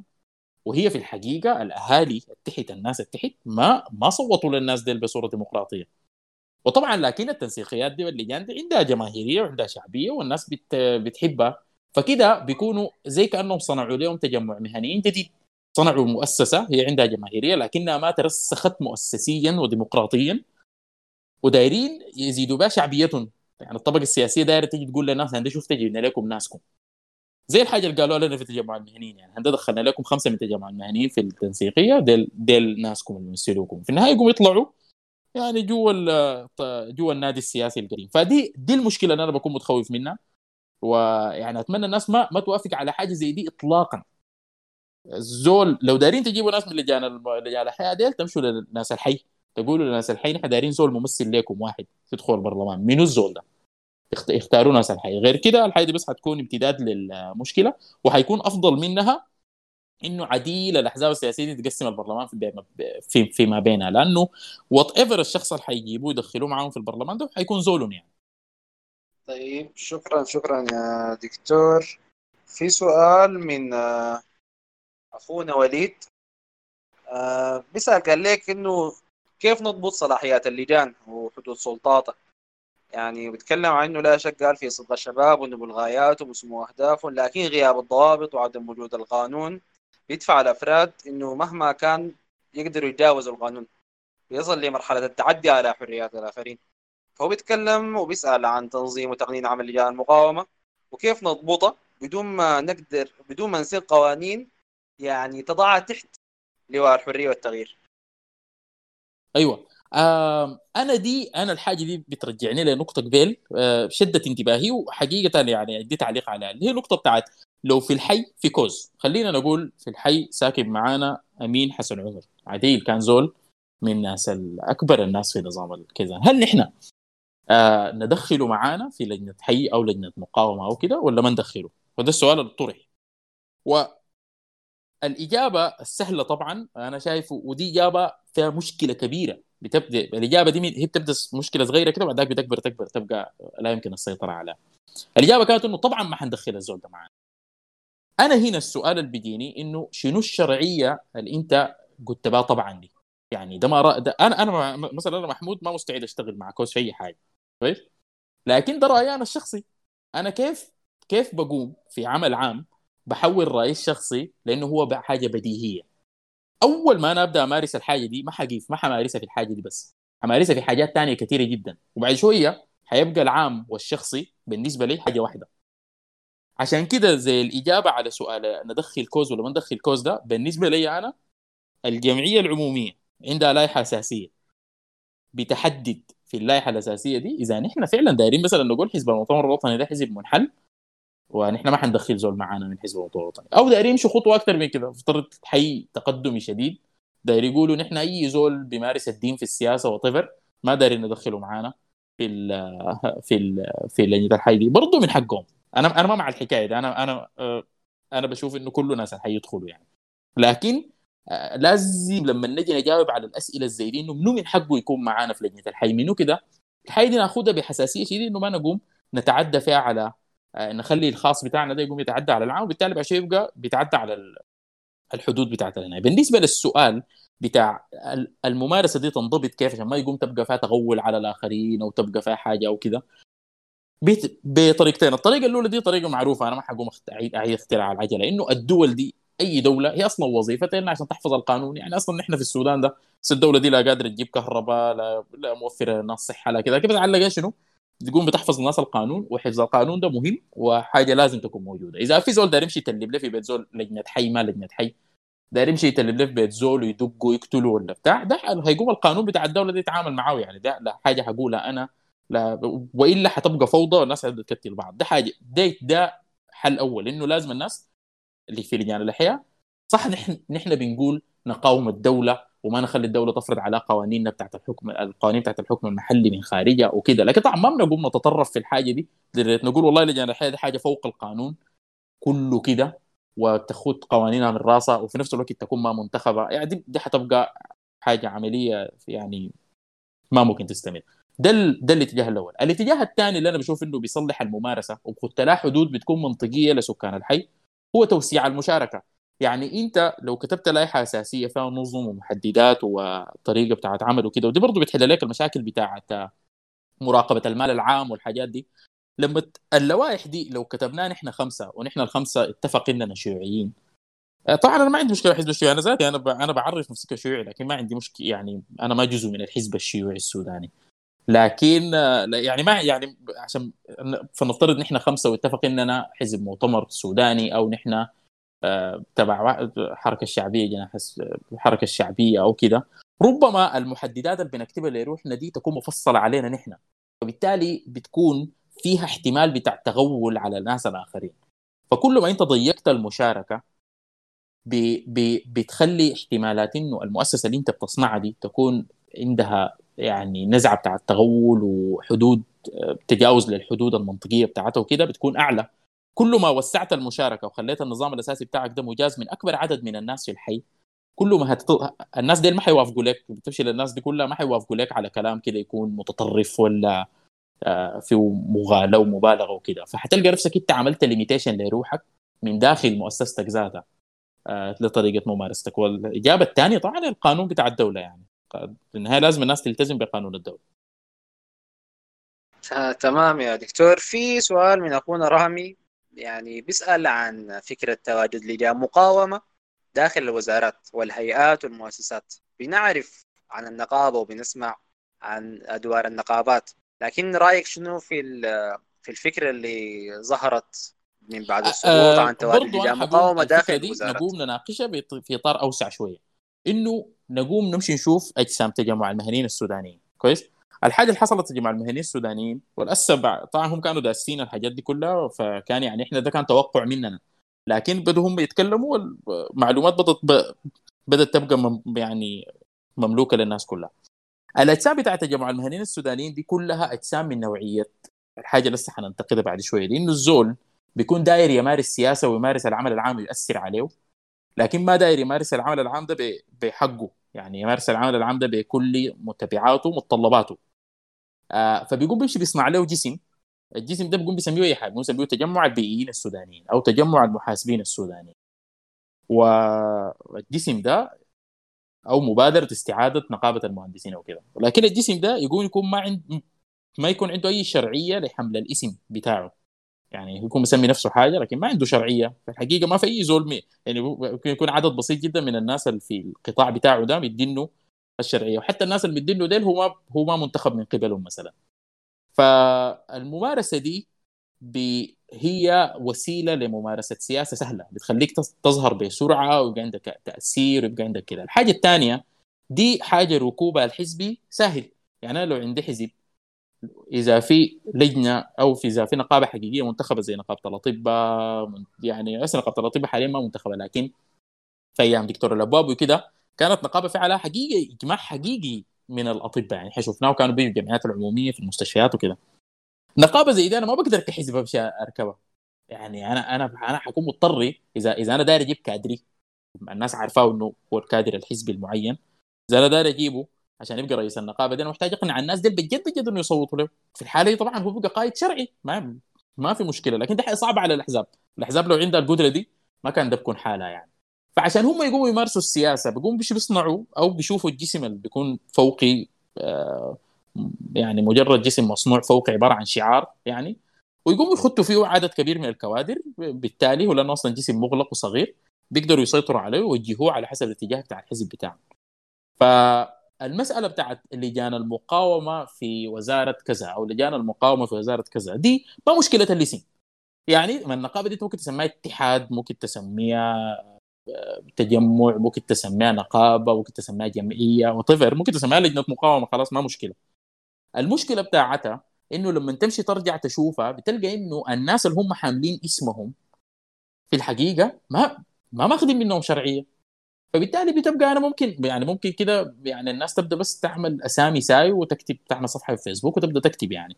فالممارسة دي ممارسة سيئة يعني وحقه يعني حقه كل ما نشوفها كده نوق... لو لقيت طريقة نوقفها يعني ما خليها تستمر.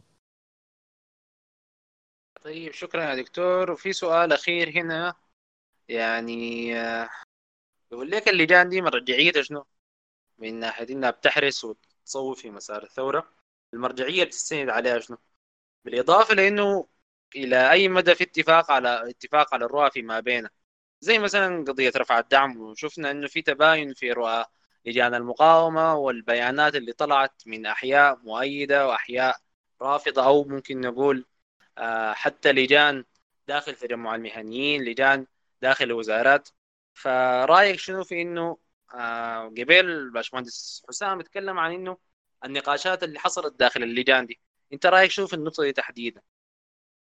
أي هو طبعا الإجابة الأولى آه، يعني سهلة اللي هي إنه الشرعيات أنا قاعد تمثل السكان الحتة. يعني أنت لما تقول أنا لج أنا ممثل المجموعة الفلانية من الناس وأنت فعلا ممثل خلاص أنت مالك للشرعية؟ بعد كده الحالة اللي أنت بتقولها دي بيكون متضمن يعني ضمنيا إحنا فاهمينه ده رأي الناس. يعني أنت قلت ناس بحري ناس أنا أنا في لجنة بحري مثلا. وناس بحري ديل صوتوا انتخبوني رئيس. وأنا رأيي إنه أنا مع رفع الدعم. نفترض يعني. كده نحن بنفهم إنه ناس بحري مع رفع الدعم. ما هي دي الطريقة بتاعت التمثيل الديمقراطي يعني. آه ودي حاجة مشروعة. ما بدي أنا ما شايف في أي مشكلة ما شايف في مشكلة بتاعت شرعية. إذا كان الزول جاي منتخب الزول جاي بس قال أنا والله بمثل ناس بحري.